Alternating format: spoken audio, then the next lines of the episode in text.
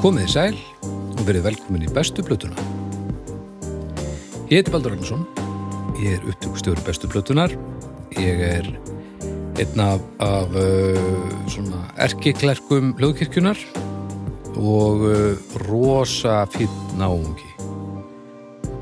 Uh, hjá mér eru tveir gestir, uh, þeir eru líka rosa fýtt náungar, annar er doktor, hinn ekki en he- hefur samt ívislegt með sér liði í, í- í sínu fari þó að sér nú kannski ekki beint mentun þá, þá skóli lífsins, hann er drjúur um, en raunverulegu skóli er líka drjúur uh, doktor Arnar Eggers, blessur og sæl Já, já, það er alveg, það er allt, allt, allt fína þar líka, sko. Jú, jú, já, Edinborg maður, hérna, þú doktor í, í, í, í bara í tónlist, tónlistafræðum Ég er ekki með svona School of Hard Knocks á uh, Facebook síðinu minni, ég er bara með School, sko. Já, akkurat, já, já, já Já, Edinborg reyndist mér bara frábælega og skilaði mér inn í ótrúlegustu stofnanir, sko. Já, það er fallegt, sko uh, Skóli lífsinshaukur Já, Sóttu- Sóttur hann í Edinborg eða, nei, nei, ég sótti hann í Garðabæ. Garðabæ, já, það eru þessir, tve, þessar tvær mekkur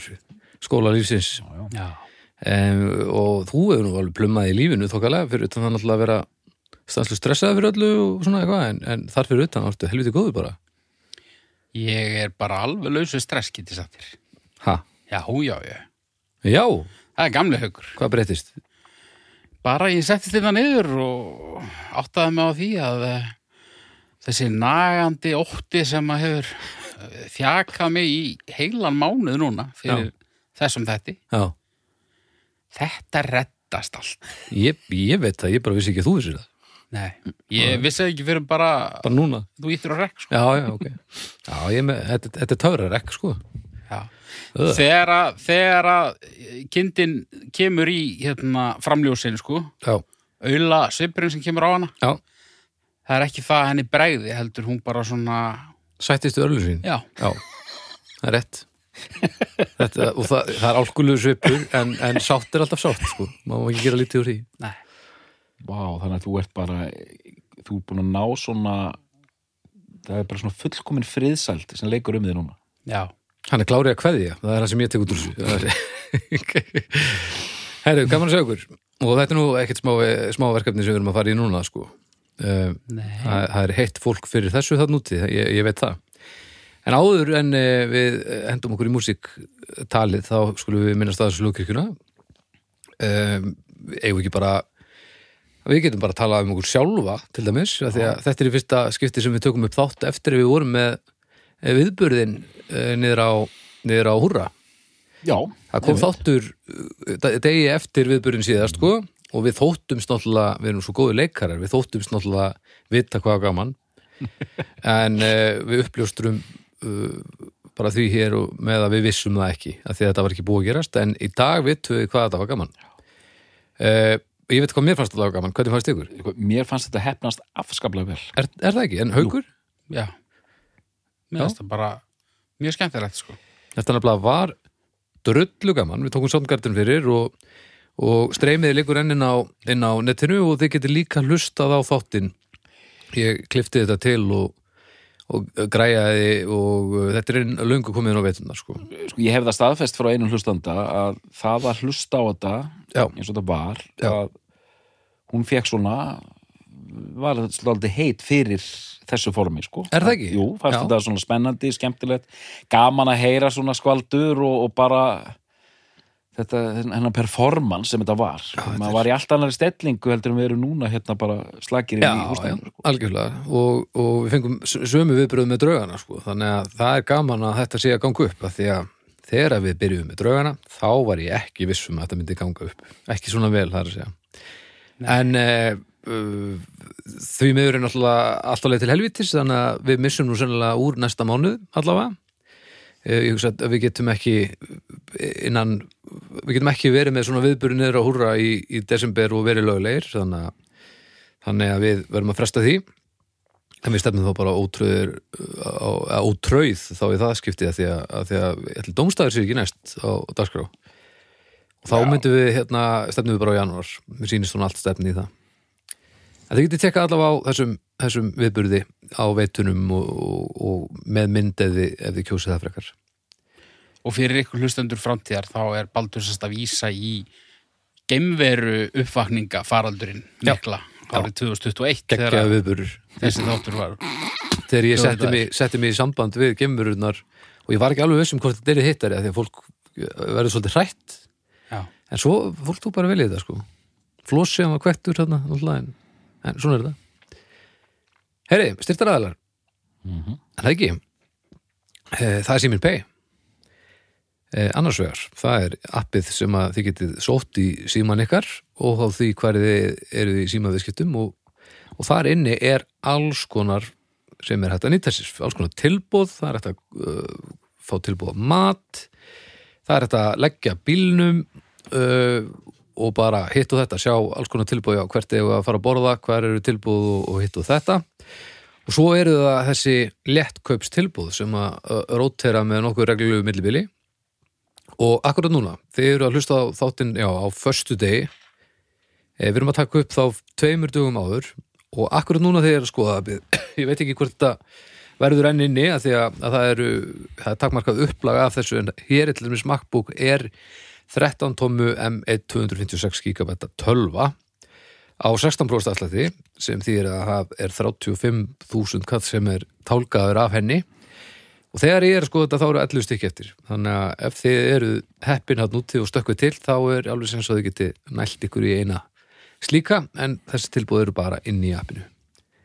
E, svo eru líka hérna þrjár tegundir af uh, svona buds, uh, hernatólum. Galaxy Buds Live, Galaxy Buds Plus og Sennheiser CX400 BT og þetta er allt sem hann á 30% afslætti. Þannig að, og þetta er allt tilbúð sem eru bara í appinu. Þannig að það, það uh, margborgar sig að ná í þetta og opna þetta nokkuð reglulega og sjá hvað er í búði sko.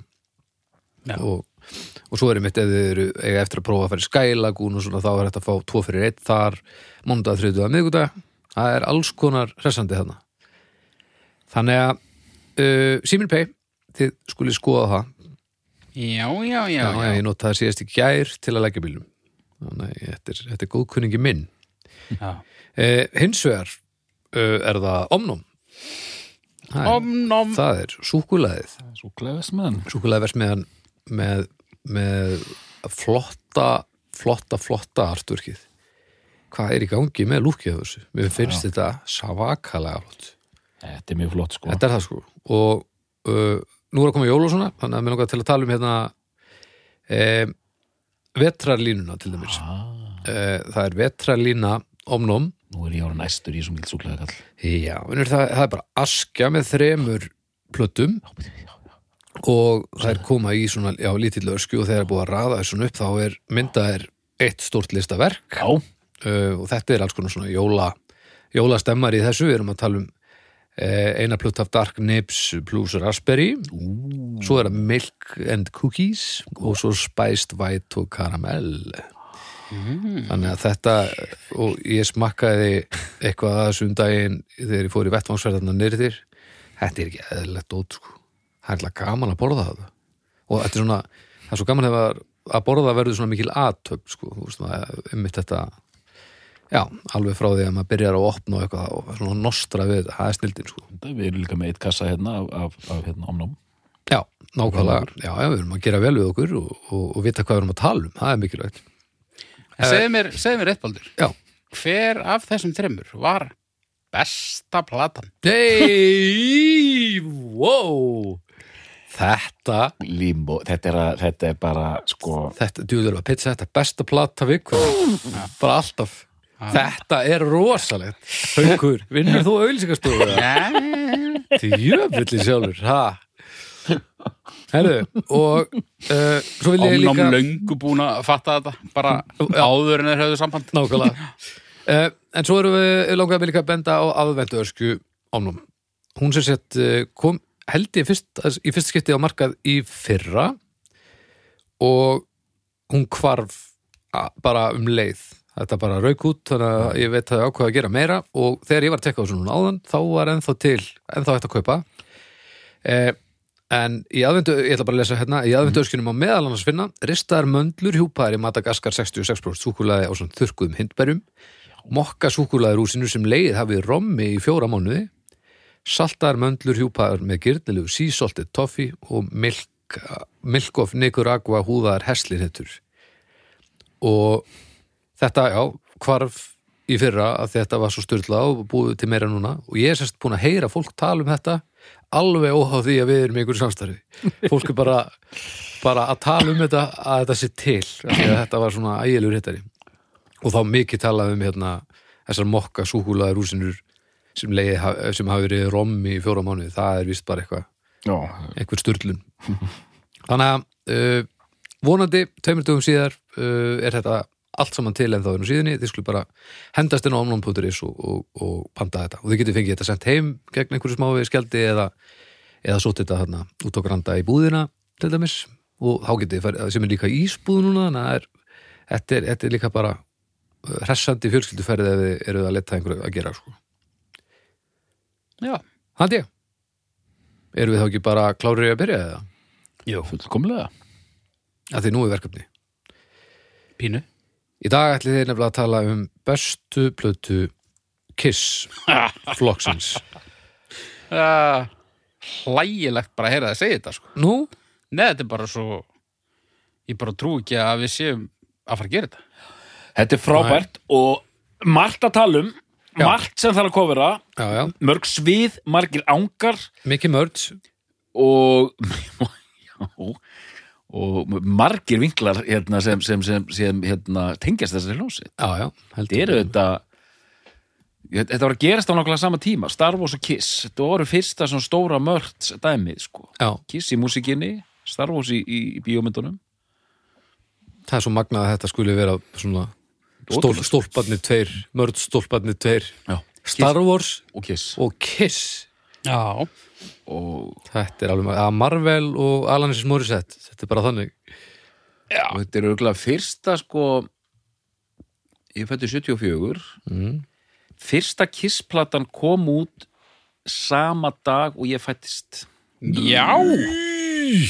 18. februar 1974 Já, og þetta er fyrst bæði, báðir þessi hlutir Star Wars og Kiss, þetta er að fyrsta sem ég byrja að heyra þú veist, ég er þryggja fjárara þá fyrir ég að heyra kvíslað með einhvern Hans Óla í, í leikskólanum já, og það verið að láta hann fljúa einhverju, einhverju fötu þarna sko já, Hans Óli. Hans Óli svo og, gott. og, hérna, og svarthöfði og, og það allt Mm -hmm.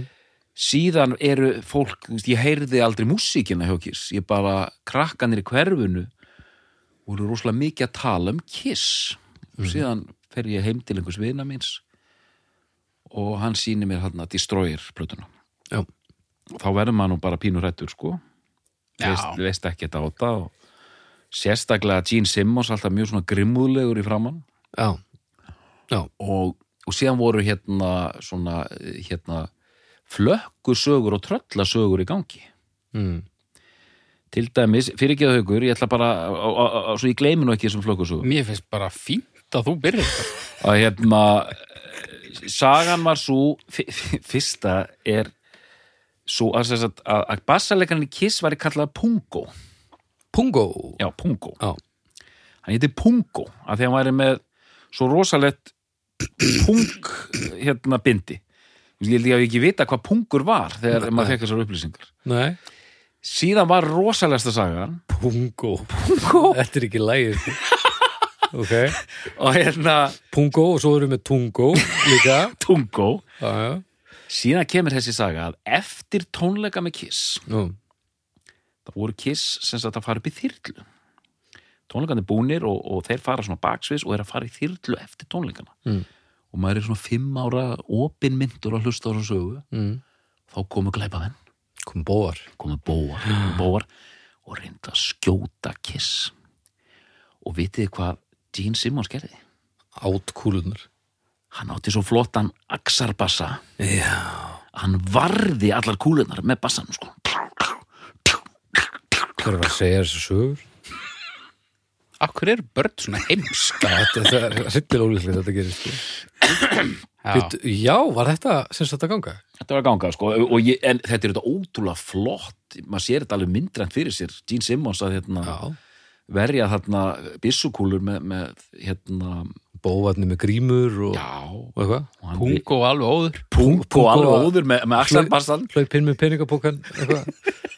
þetta er rosalegt. Þetta var líka, þetta kom í fréttum, eh, gefið mér sko.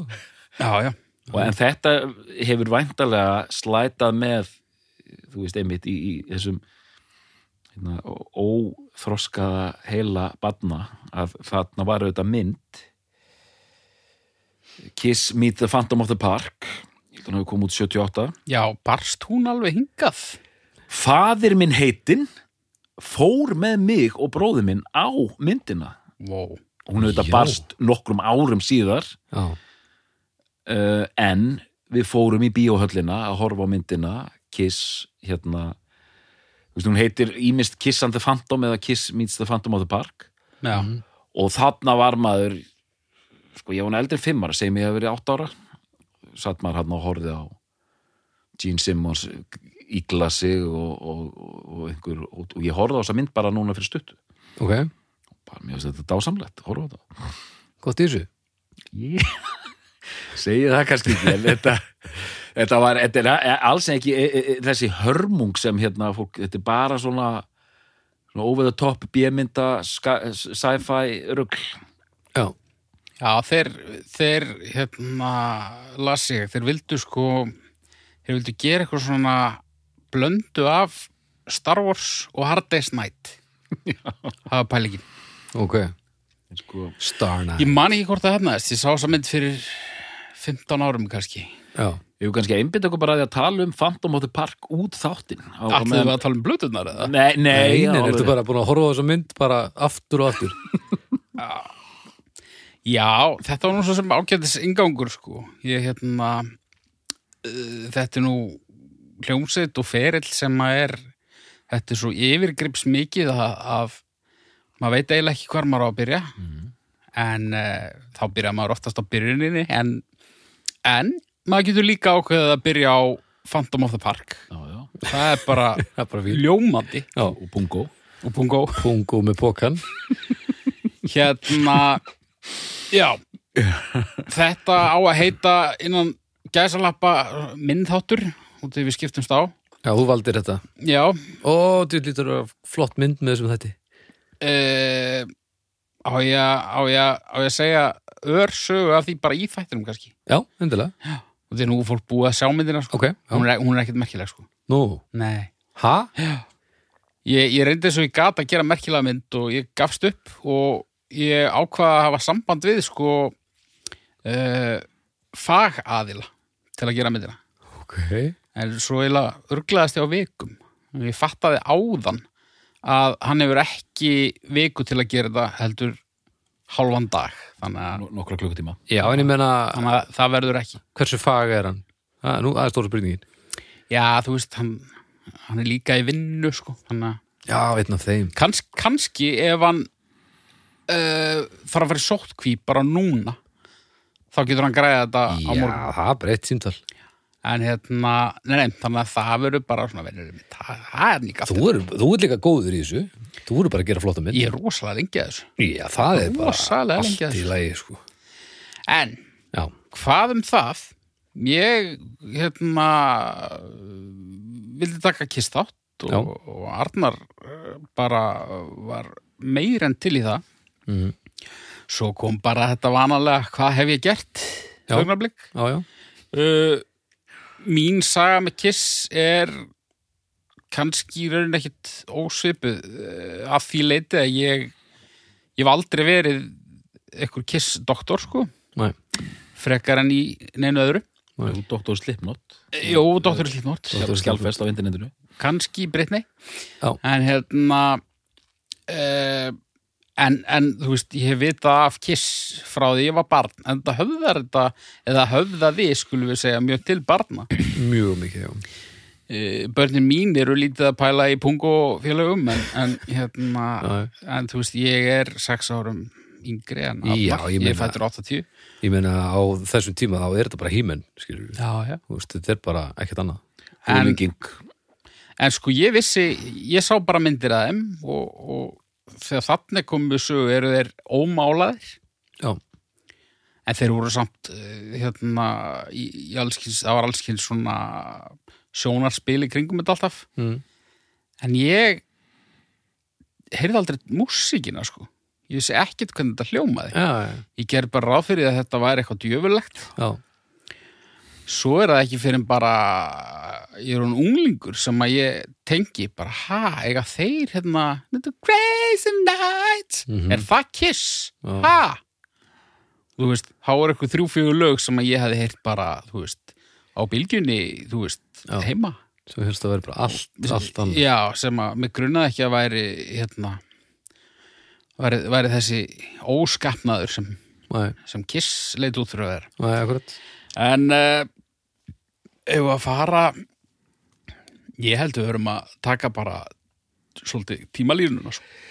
gerum það, og þetta- af því að þetta eru hérna, það sem er skemmtilegt við þetta, það eru nokkur tímabilurinn sem þessi hljónsveit Já, gengur í gegnum og þetta er bara, eiginlega bara mjög áhugavert og hérna þetta eru gýðingar frá New York mhm, Paul Stanley mhm, og Gene Simmons já, uh, þeir eru að byrja að garfa í einhver svona hljómsættastúsi bara upp úr 70 Já, það passar með hljómsætt sem hét Wicked Lester hmm. svona lágit snapp mhm Já, Það er alltaf leið sko að slepp til sko og það, þetta er og, og, hérna ég held einmitt líka þegar ég sá, til þess að ég sá myndir af Peace of Mind með Iron Maiden, myndir af þessu kissplötum ég hefði alltaf að músíkin væri meira bara í ættu black metal sko Já, já Og svo, Ég- það, er- þetta, þetta lítur þannig út ég þetta lítur þannig út og til dæmis s- sérstaklega umslæðið á Alive 2 Já. og Gene Simmons með svona blóð hérna rennandi Já, já. niður. síðan heyrir maður músíkinu og þá er þetta bara, bara stuð Já, ég meina þú getur tekið kiss og, og ef, ef þú ert með einhverjum sem, ekki, sem ekkert veit og þú tekur kiss og immortal og stokkar og við komum þetta á ekkert eftir að vita hverju hvað sko nei, sko Emma er miða við Gene Simmons en, en svo erum við með hennan kontrast við erum með mann við hliðin á honum sem Já, er já. málaður eins og kisa Já, já, já, já, og svo erum við með annan sem er alltaf með rosalega mikil stút á vörunum Mm. já, já. það er ekkit rosalega black metal sko Mm, Ekki að þá en hérna, Þú varst að segja, Baldur, já einmitt ljósmynda Gene Simmons og Abbaf og, þú Já, veist, og já, einhver sem ekkert veit, þá Já. er þetta bara duett, skilur ég, var, ég var að horfa á viðtal á YouTube frá 74 þar sem Gene Simmons mætir bara alveg í, í allklæðinaði í eitthvað viðtal Já, og hann er bara dálítið skeri, sko já, Því hann er með, með hæðina Mm. og bara andlitsfallið, sko Mm. og hann er bara stendur ekki á sama, sko og mjög svona gothic já, brjálaði, sko Já, já. Ég hérna, kannski ára lengri er haldið, E- ef að það eru einhverju svona kiss brjálaðingar að hlusta á hana þátt sem að ég vona nú að sé tilfellið, já, uh, ég sé nú enga ástæð til þess að afsaka þekkingaleysi en, en bara fínt að það sé upp á borðum að, að uh, við ætlum ekki að, við erum ekki í einhverju keppni um, um, um uh, þekkingu eða neitt svo leis það munu verða eflust einhverja rángfærslur og ég byrði fólk um að taka viljan fyrir verkið því að þetta eru þetta er langur ferill Mm. og það var eh, þetta var eins og að læra fyrir bara eh, lokaprófi ykkur sko já en, Ég- en þetta var skemmtilegt mm. Og ég, ég, en ég fyrir mína part að byggst ekki afsökunar á neinu, sko Nei, hvað þá ég? hérna uh, og fyrir mig og ég held nú að þú sért nú helsti fræðingurinn hérna inni haukur í kiss að hérna ég hef aldrei lagt mig eftir þessar hljómsveit í neina djúpsjávarköfun ég þe- hafa svo ótrúlega gaman fyrir þennan þátt Já, að ég var bara í jómfrúarferð bara frá fyrstu plötu og Já, bara já. áfram sko og var það bara af því að verkefnið var svo stórt og þú gæstir ekki tíma í áður eða vissur nóg eða, Nei, svona ég er með útaslaugin öll svona í höstnum já, já, en eitthvað eh, af því hvernig ég svona af því ég var að taka dæmi um Alive 2 ég kefti hann einhvern tímann í kólaportinu fyrir hérna fyrir engan pening, sett hann séðan á heima og ég bara býttu býttu þetta er bara, þetta hljóma bara eins og Erosmith ég nenni ekki að standa í þessu já, já. ég vil, ég vil meira, ég vil meira geðveiki sko. Þetta er ekki nú illt þetta er ekki nógu illt Nei. og hérna þannig að ég datt aldrei eh, mér líður dálítið svona eins og því að ég var hérna í djútas príst þættinum sko Já, það er bara svona, já en að því minnst tónlist svo skemmtileg mm. þá bara, mér varst ótrúlega gaman og ég var í orðin hálpartin fastur, ég hlustaði svo mikið á Kiss Já, já, ég var bara, ég gæti ekki hægt að hlusta já Ok. á ákveði tímabil sveitarinnar Já, já, já, ok þá skal ég bara taka það á mig að vera sérfræðingur hérna. Ég hérna, eins og ég segi, ég, um, All, Ég- allar rángfærslur hérna skrifast af á högg já, ég gaf þessu ekki mikil gaum sko þegar ég, fó, ég byrja að hafa áhuga á þungarokki svona Nei. á fyrir hluta tíunda áratugurins eitthvað leis og þá eru Kiss bara svona gömlu kalla hljómsveit sem að mm, vöktu engan áhuga hjá mér Mm. voru nú samt örglega aðeins yngri en ég er núna yep. en svo svona kannski í kringum tvítugt þá fór maður aðeins að tekka á þessu og, og, og hérna var framan af svona best of maður bara Já, já, en svo svona fór maður að tekka á þessum plötum sérstaklega þessum 70s plötum og, og ég get alveg sagt það að ég átti mér upp á halds kissplötu fyrir þennan þátt ok en ég hafði alls ekki hlusta á allar kissplöðunar það var eiginlega bara svona cut off bara e, 1981 þar var bara cut off og ég hafði bara ekki eirt neina plötu held ég í heilsinni eftir það eftir 81 Já. þannig að þetta var skemmtilegt uh, áfram með söguna Wicked Lester, þetta er hérna hefur heyrt þetta? Nei, ég hérna, það er hægt að heyra eitthvað af þessu einhver vikallestir lög rötuð inn á þess að fyrstu kissplötu og svona En- bútar úr einhverjum Já. lögum og svona en mér skilst eh, og bara fyrir þann sem er einmitt að hlusta á þeir sem eru í þeirri stöðu að vita ekki neitt um kiss sko, að hérna tónlistin þetta er bara svona síð, 70s, Beatlist Aerosmith, eh, Boogie Woogie Rock Já Ég, ég tekka það aðeins á þessu sko Þetta var ekki svona dæmi gert eitthvað eh, hipparokk Þetta var ekki svona glam Þetta var ekki svona eh, T-Rex rock eitthvað eins og svo mikið að böndum byrjuð Það var bara ágætt sko En þetta er ekkit eitthvað eh, myndi ekkit rosalega mikið á kiss Nei. En uh, þeir fá nóg af þessu hjakki þarna 73 held ég og leysa upp hljómsveitina. Eða nú f- veit nú hreinlega ekki hvort að, að þetta flokkist bara sem annað band eða sem kiss bara undir öðru nafni. sko, En hérna, þeir eru þarna tveir og hafa alltaf verið tveir þarna aðal Já, Gene Simmons og Paul Stanley já, sem gerist það tiltölulega hratt að það eru ránirinn tveir menn Mhm. Peter Criss, uh, Kattmann mhm. hann var eh, talsvert eldri ok, ég vissi það ekki. hann, hérna, hann var sko var, var og er, ég held að hann sé fættur 45 já Gene er 49 sko Já. Póla 52, og Ace Freely er Ace er 51 já, þannig að og Peter Criss viðurkendi það ég náði að eh, skauta yfir hérna eina stutta heimildamynd um ljónsetina ok Hann og það er víst til er lengri 75 sko líðveldis árið. S- Það er ekki 44? Nei, 45 45. 45 Já. Já, 44 þú veist það. Ég- 45, já. Ég, ég skauta hann yfir 40 minna heimildamind og hérna og hérna móhauður var svona, horfði með öðru augan og ég var eitthvað að segja henni að það væri til þryggja tíma heimildamindir um það og þá sagði hann er þetta að gera þryggja tíma heimildamindir um þessa vitlisinga? Mhm. að því að hérna Það er ekkert mál Það hefur sínt sig og hún var, að svona, hún var eiginlega að vísa í því hvernig þeir komu fyrir í myndinni, Paul Ah, Já, já. og Jean þeir eru svona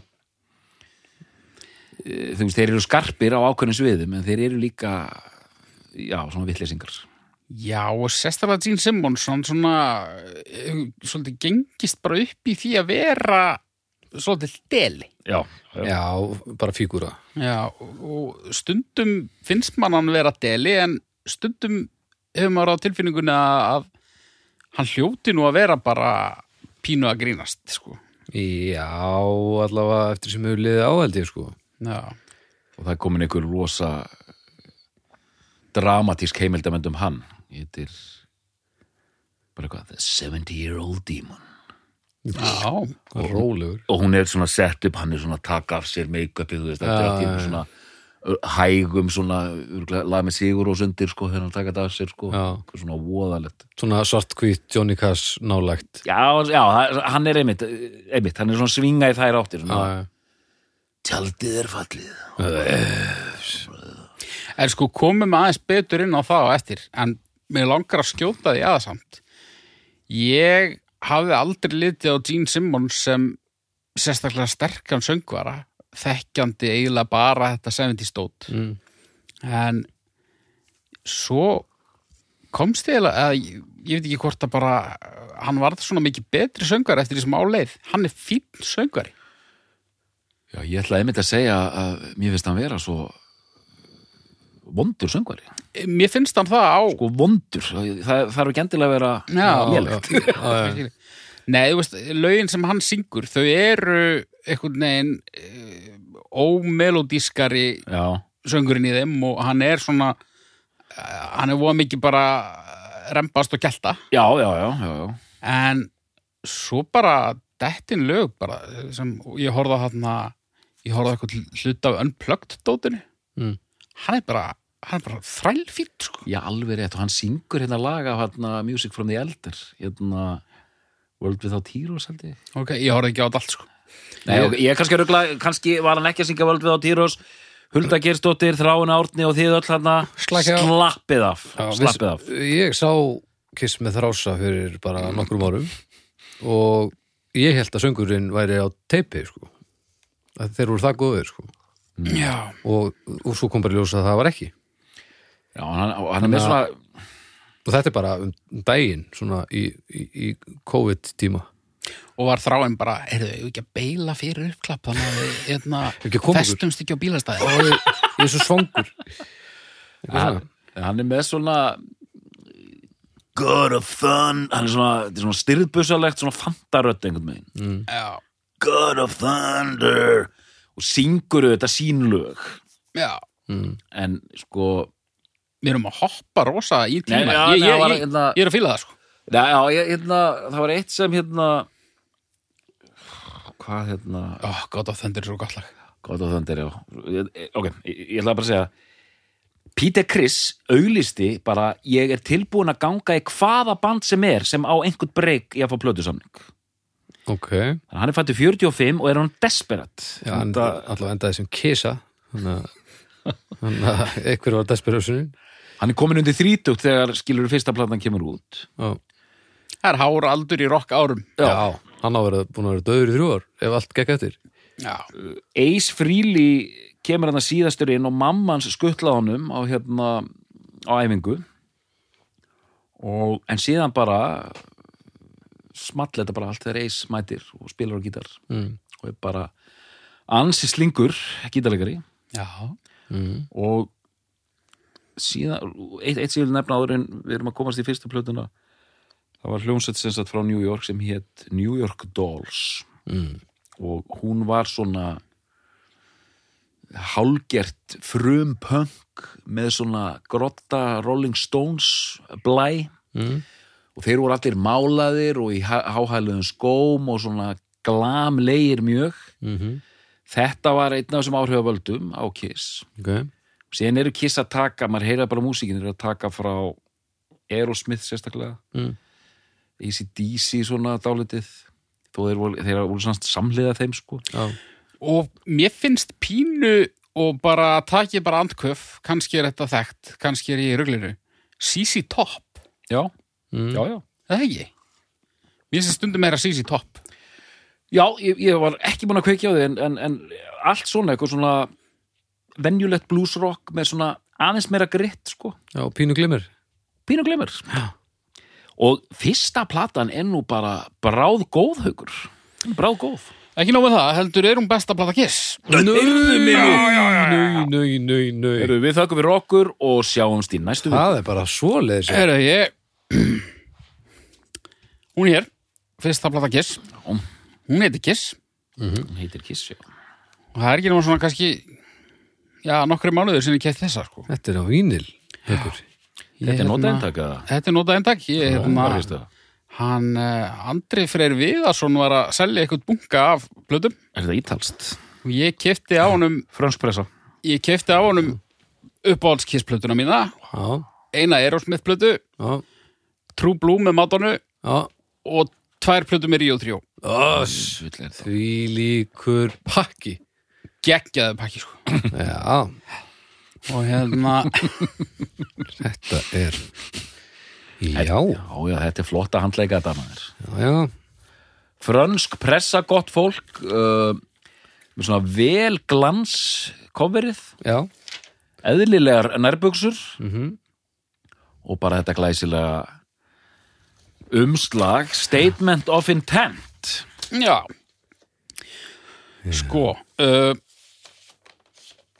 í, hún, um, hún kemst nú alveg á toppin hjá einhverjum kissurum, sko. Þetta er ekki, ég er ekki alveg að koma hérna Nei, nei, er left ekki- field, sko. þetta er ekki default gerðlabrjála Nei, en þetta er heldur ekki kannski default uh, besta platan, sko. Nei, hún er uh, hún er svona hún, þetta er rosa mikið 70s rock já og eins og þú segir Aerosmith Þetta er svona mesta 70s rock Já. platna þeirra já, kannski st- að einhver liti jafnvel strípuðust já og hún er bara svona, þetta er bara svona þú veist, ég mynd hérna, það er ekki hægt að lusta á þessa plötu eru í svona hugsa um Aerosmith svona 30 sinum já, uh, lagasmíðar sound sérstaklega mm og ég íhugaði það marg oft í undirbúning eh, undirbúningi þess að þáttar að, að hvort, að hvort að væri rétt hjá mér sko. ok út af því að hún er það er ekki allt komið að Ei, Nei, einmitt, þetta er svona mm, og það er, þú veist, þetta er 74 í New York, það er eitthvað svona slís element, sko mm, Við getum alveg hent Lou Reed inn líka, sko sem svona, Já, það er svona, þetta er svona næturklúpa lús, uh, sveitt uh, svona rock, blues rock, pöppa stemning, sko Ertu þá að tala um hérna Lou Reed sem samti eitt lag á því elder? ábyggilega hmm, Mm. Þvílík tenging holy moly Já. Þetta vissi ég til dæmis ekki áður en að við byrjuðum að undirbúa þannig þátt. Já. En Lou Reed á eitt lag uh, með þeim á The Elder Já, ok, sem er alls ekki besta plata Kiss. nei Það er þetta, já, bara einhver svona New York vibe þarna og fyrsta lagið, ég hef líka lesið það því vorum að tala um hvað er hún hvernig talaði um þessa plötu Mm. ég sé svona menn stiga fram og segja bara þú veist, ein flottasta og svona mest sannfærandi svona hard rock plata sem kom út á þessum áratug sko. Já, Já. Þú veist, fyrsta lagið er hérna hennar strötter Geðvegt lag. Þessi, þetta, er, þetta, er, þetta er svo mikil byrjun á ferli. já, já, já. Ég ætla, er, er þetta sem Gakkum, dunkum, dunkum, Að þegar- gakring. að þið finnst ekki allt vera komið en eh, finnst þið lögin bara það góð? Er það lögin sem eru að landa þessu fyrir þér? Það eru lögin og það er bara stemningin. Já, ok Ég, hérna, sko, ef ég væri ofirkur alkoholisti, Já, þá myndi ég fara með þessa plötu á hérna, ég myndi lappa með hann upp á Látrabjarg og kasta henni þar fram af út af því að sko, já, ég bara ég fer að titra, mér langar svo mikið í bjór þú veist, þessi plötu. mjög gott Þetta er bara svo- mér mér langar að mér langar að lendi í svona slagsmálum á einhvern svona bandarískum skítabar já, já, já, já, við einhverja mótorhjóla menn já. Doktor, þetta, Brjóta- þetta var ekki kaplina ferlinu sem þú festist í og það brjóta biljartkjöða á, á höstnum á einhverju Já, já, já, já, á bakkinu á bakinu Hustnum, það er hættulegt. Jú, jú, jú, reyndar festist ég í 70s hardrocki kiss þannig að ég þarf svona að fara nú eru allar, við, allar viðunar bjóttur farnar í gangi hérna sko. en að Kíkja bergið maður og hún, og, hún er bara svo hress og það er ekkit öll lögin að það frábær sko og við kannski komum meir inn á það síðar að hérna, En lí- líka sko að því að þú ert að lýsa þessu vel haukur að því að sko setni plötunar eru bara það er meira, það eru strömlínulagaðri og þéttari, Fáaðri fáaðri eins og gerist venjulega, það er svolítið svona fimm um nóttina stemning líka á plötunni já, svona pínu svona Já. þvældir eh, og veit, hvað er aftur lokalagi á plötunni? uh, Black Diamond Tss, Það er Sturlað lag En hvað, af, af hverju viltu býða með að fara í gegnum lögin? Ef ekki bara gera Kikið maður það? þess að núna? lögin sko. Eh, Ég vildi ekki býða með það. Nú, ok. Nei, ég vildi býða með eitthvað annað, ég maður bara ekki hvað var. sko, Strötter er fyrst Pól, Pól syngur og Pól er góðu söngvari hann er með svona Já, típiska Samt pínu skrýtna, en, en hérna, en jú, pínu típiska.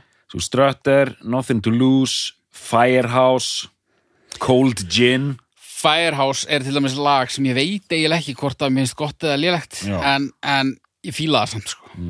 ok. það er, eh, það er algjört drasl en það er samt eitthvað svo cool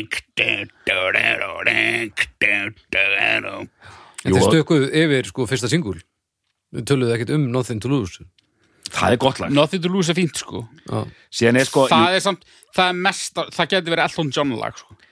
síðan e sko eða eitthvað svona Stones bjellið Já. það er bara svona piano Já, já. na, na, na, nothing to lose já, einmitt, Elton John er ágætis, ágætis líking sko, síðan er, það er, það er instrumentala hérna líka Mm.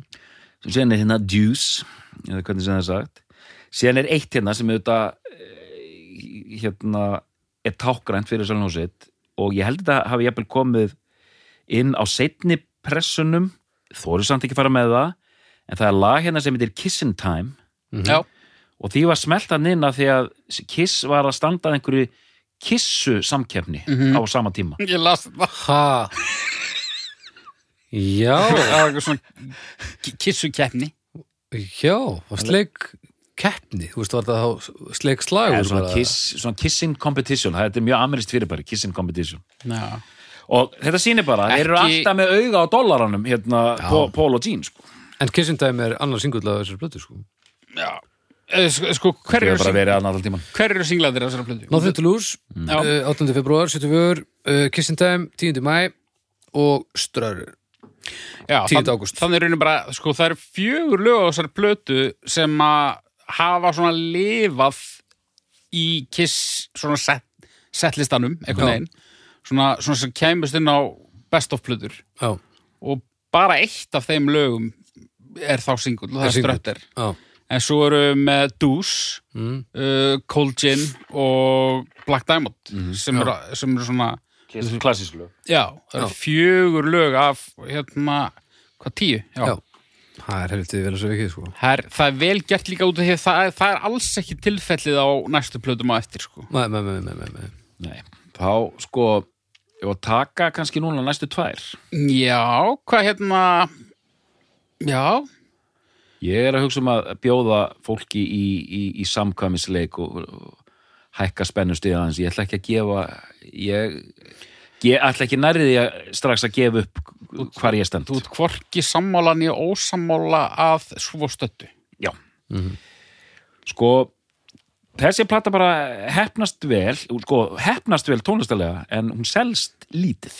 Já, og það er hérna, skjótum því kannski inn í að þeir eru sænaðir á lítið label sem heitir Casablanca mhm, og hann var nú einhver fígúra þessi ná ekki með Casablanca sem hétt eitthvað Bogart Níl, Neil Bogart, Níl Bógart. eitthvað maður með hérna, Humphrey Bogart á heilanum Já, og uh, í útgáfu uh, teitinni fyrir hérna, f- fyrsta, fyrstu kissplötuna þá var Humphrey Bogart eftir herma og eitthvað flugöldasýning og pæró og gubba blóði og eitthvað ok.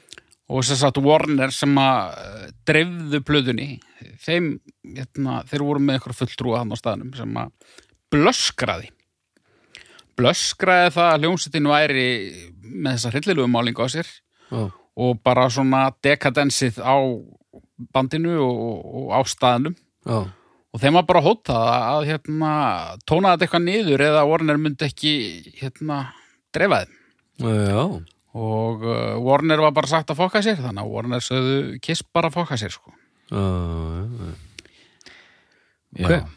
já sko, og við vorum að gleyma einu, Alice Cooper, það er líka mikil fyrirmynd, hann var auðvitað að byrjaði með svona málingu upp á Já, sviði. já, já, já, já. og þá er tekin auðvitað og það sést auðvitað auðvitað eins og blötu að fara í þessa karaktera það er Starboy ne, hérna Starboy, hérna Paul Eh, Star Child já, Starchild uh, Catman og hérna Demon og Space Ace og hérna hafið þið séð örgla áður en ég fór í jómfrúðaferðin að hlusta á hérna actual tónlist með Kiss þá var ég að horfa á hérna Ace Freely Laughs vídeo á YouTube Já, hafið þið séð þetta? Nei. nei. En var hann ekki bara að kalla það Spaceman? Það er kannski bara Já, bæði. the, the Spaceman, þetta, þeir voru, þetta voru oft svona 2-3 nöfning gangi, sko Já. The Spaceman og Space Ace, sko Hann hlær ro, svona trillingslega, hann hlær bara eins og jókar, sko já, já. og mjög smitandi og það er bara búið að búa til Og er það bara standard? einhver svona, og hann var þetta alltaf fullur Já. alltaf, Já, já, og alltaf það eru gaman. Eitthvað? tvær, tvær tíu mínútna klippur á YouTube Já. bara Ace Freely Laugh Collection og þá er hann bara einhver svona sjónvarsviðtölum og einmitt, alltaf bara blindfullur og hérna og bara og hérna bara al alveg fullu og stundum sést, sést Gene Simmons í mynd og hann Mm. er bara svona hmm, mjög ósáttur Já, já, já, já. og he- hann er bara svona algjörlega farinn að teinunum sérstaklega undir restina þá var hann bara fullur allan daginn sko og bara en me, me, sumir hafa sagt það var eitt, eitt komment bara sorry Paul and Gene Ace was the heart and soul of Kiss Já. þú veist upp á Já. Peter, Peter Chris og Ace voru þetta bara svona þeir eru bara svo grjótharðir einhvern veginn hérna Paul og Gene sko, þeir eru þetta businessmen Já. ég ætla ekki að segja fyrst og síðast businessmen það er ekki sangjart að segja það sko. Nei, nei. Nei, nei. Það, maður hefur heyrt þetta, hérna, uh, það, vo- það voru ekki alveg, eh, það var ekki alveg eh, sama lína hérna á, á meðlumum og, og það endaði nú ekki vel. Mm. ég las líka sem er skemmtilegt að að ljósmyndarinn sem tók coverið, sko, hann, hann vissi ekkert hvað hann var að fara að gera, sko. Já. Hann mæti bara hann og þeir eru hann í þessum mundringum með þessa málingu Já. og hann bara, já, það er svona trúðar hérna og stakk upp að þeir væri með blöður Gekka. það var ekki, það var ekki framkvæmt Það er ekki stemmari fyrir því. nei, en hérna, eh, sko næstu plötur Já. og fyrir þessa, hérna, þetta Kiss, ég fór á Kiss Cruise hérna fyrir þennan þátt Mm. mætti segja, já fjall þessi brandar í flatur nei, ég fór bara geðið mikið að hugsa hvort þú hefði raunverulega frá kisskús Já. vegna þess að, þú veist einhvern tíma varst að tala um þegar þú hittir Jarvis Cocker Já. Þannig að mér fannst- og þú sagðir frá því bara einmitt svona bara svona, já, þegar ég og Jarvis Cocker vorum hérna þannig að mér datt bara alveg í huga að þú hefði bara farið á Kiss Cruise og verið bara að hanga með þeim, sko og fyrir þá sem ekki vita þá er ég að vísa í að eh, Kiss hefur farið á svona skemmtifæraskip sem siglir um heimsins höf og, og þeir eru um borð og spila og aðdándur eru með og Já. geta látið mynda sig í bak og fyrir en næstu tvær plötur og ég vil að segja fyrir, fyrir þetta færalag mitt þá, þú veist, ég rugglaði öllum þessum 70s plötum saman þetta var allt í einu graut sko, ég vissi ekki rauðina á þessu Ok. en næst kemur sem sagt, Hotter Than Hell Já.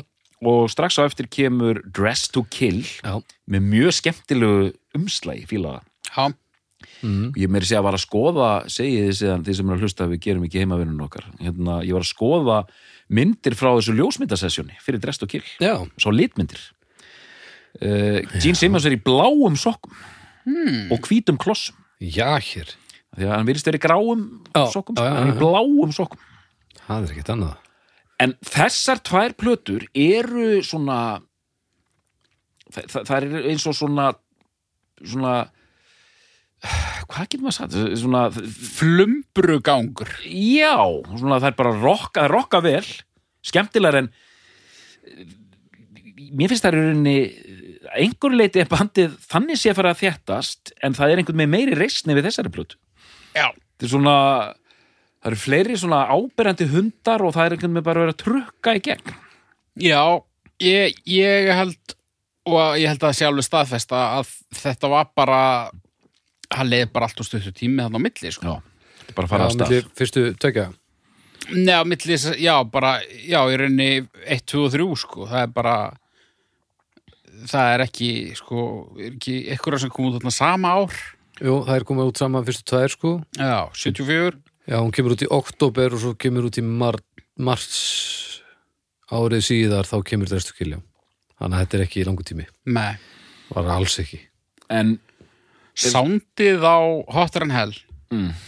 Það er ekki gott nei Uh, Það er aðeins skára þarna á Drest og Kill sko mm. Drest og Kill er betri plata, finnst mér sko En hérna Já, hún fekk líka fína dóma og er almennt bara ágætlega liðin Já, já, og það er svona, eins og þessi fyrsta mér veist, einhvern veginn að- það er einhvern veginn þó það séu furðulega lögana þá er maður flæðið er gott en eins og þessa tvær, það er einmitt mjög góð lögana, en síðan er stundur lög sem er bara, það er ekkert að gerast sko. já Einhver er bara- bara hundar sko Einmitt. Já, ég held við verum að, ég held við verum að, við megum ekki dvelja og lengi Nei. Nei. hverja, sko, allavega uh, eitthvað svona plötur, sko. Nei. en, en næsta múf hjá Kiss Já. sem kemur þeim loksins á kortið það er að gefa út og sjá, eh, þið heyrið ekki gæsalöpunum sem ég er að gera hérna með, með höndunum, eh, hlustendur góðir gefa út tónleikaplötu sem heitir Alive Alive. Kiss Alive var mestu leiti tekin upp í hlóðuri Mhm. eh, og var neitað fyrir það af þeim kissliðum bara það er bara núna fyrir tíu árum síðan sem þeir loksins fór að viðkynna þetta sko Já, Einmitt. og ég held hún sé einmitt að mestu þú veist, hún var allan að rosalega fiksuð og miksuð og, og, og plöstruð sko. já, já. En hún samt, sko, ma maður kaupir það samt pínu Já. alveg þegar maður hlustar á hana, það sé bara sko. liveplata. já, já, þetta eh, þetta er stemning Já. St- stemning og stuð og þar er lagið eh, það kom á Drest og Kill var það ekki hérna Rock'n'Roll on Light Jú, Já, þeir voru bara þeir voru bara svo tjóðli lélegir á tónleikunum að mm. hérna, þetta bara skilaði sér ekki almennilega hvað þetta var, voru góð gig þannig að það þurfti bara að ráðast í að döbba þetta alveg já, og, og, og líka að þetta var lengi þú veist, nú ætla ég að segja eitt sem fa- fa- fær fólk til að fá hjartaslag þetta var það er eitthvað lélegt á þessum þremur fyrstu eins og bara á fyrstu plötin þetta er svona stundum einhvern megin aðeins of, aðeins of hægt og svona, mér finnst þér óttu vera dálítið svona stífir ég stóð lengi vel í þeirri trú að Kiss væri almennt ekki vel spilandi hljómsitt. Mm. Það sagði ég þekkjandi bara 70s dótið þeirra. Uh, það er alls ekki tilfellið etís, sko.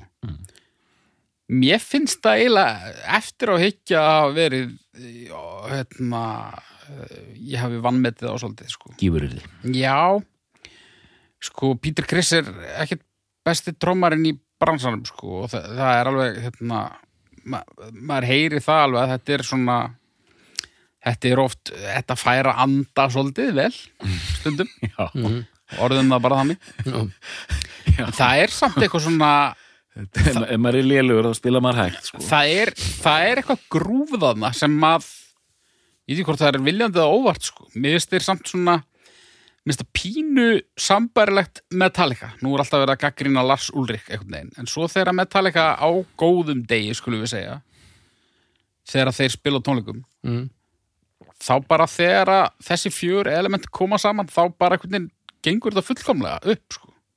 mér finnst Já, það pínu já, já. tilfellið með Kiss já skilji en þú veist uh, Gino Paul og Peter Criss enginn þeirra er eitthvað svona flassi spilari sko, kannski helst Ace náttúrulega, verandi lítgítalegari Já, já, hann, hann, er, hann er vel metinn Hræðilegu söngvari já, En það er ógeðslega kúl já, já Lögin sem hann syngur eru eiginlega bara upp á slögin mín af Því hann, er, hann getur valla sungið Og þeir eru ótrúlega lús Og þess vegna svo ógeðslega flott já, Sjokk mig til dæmis, snilda lag sko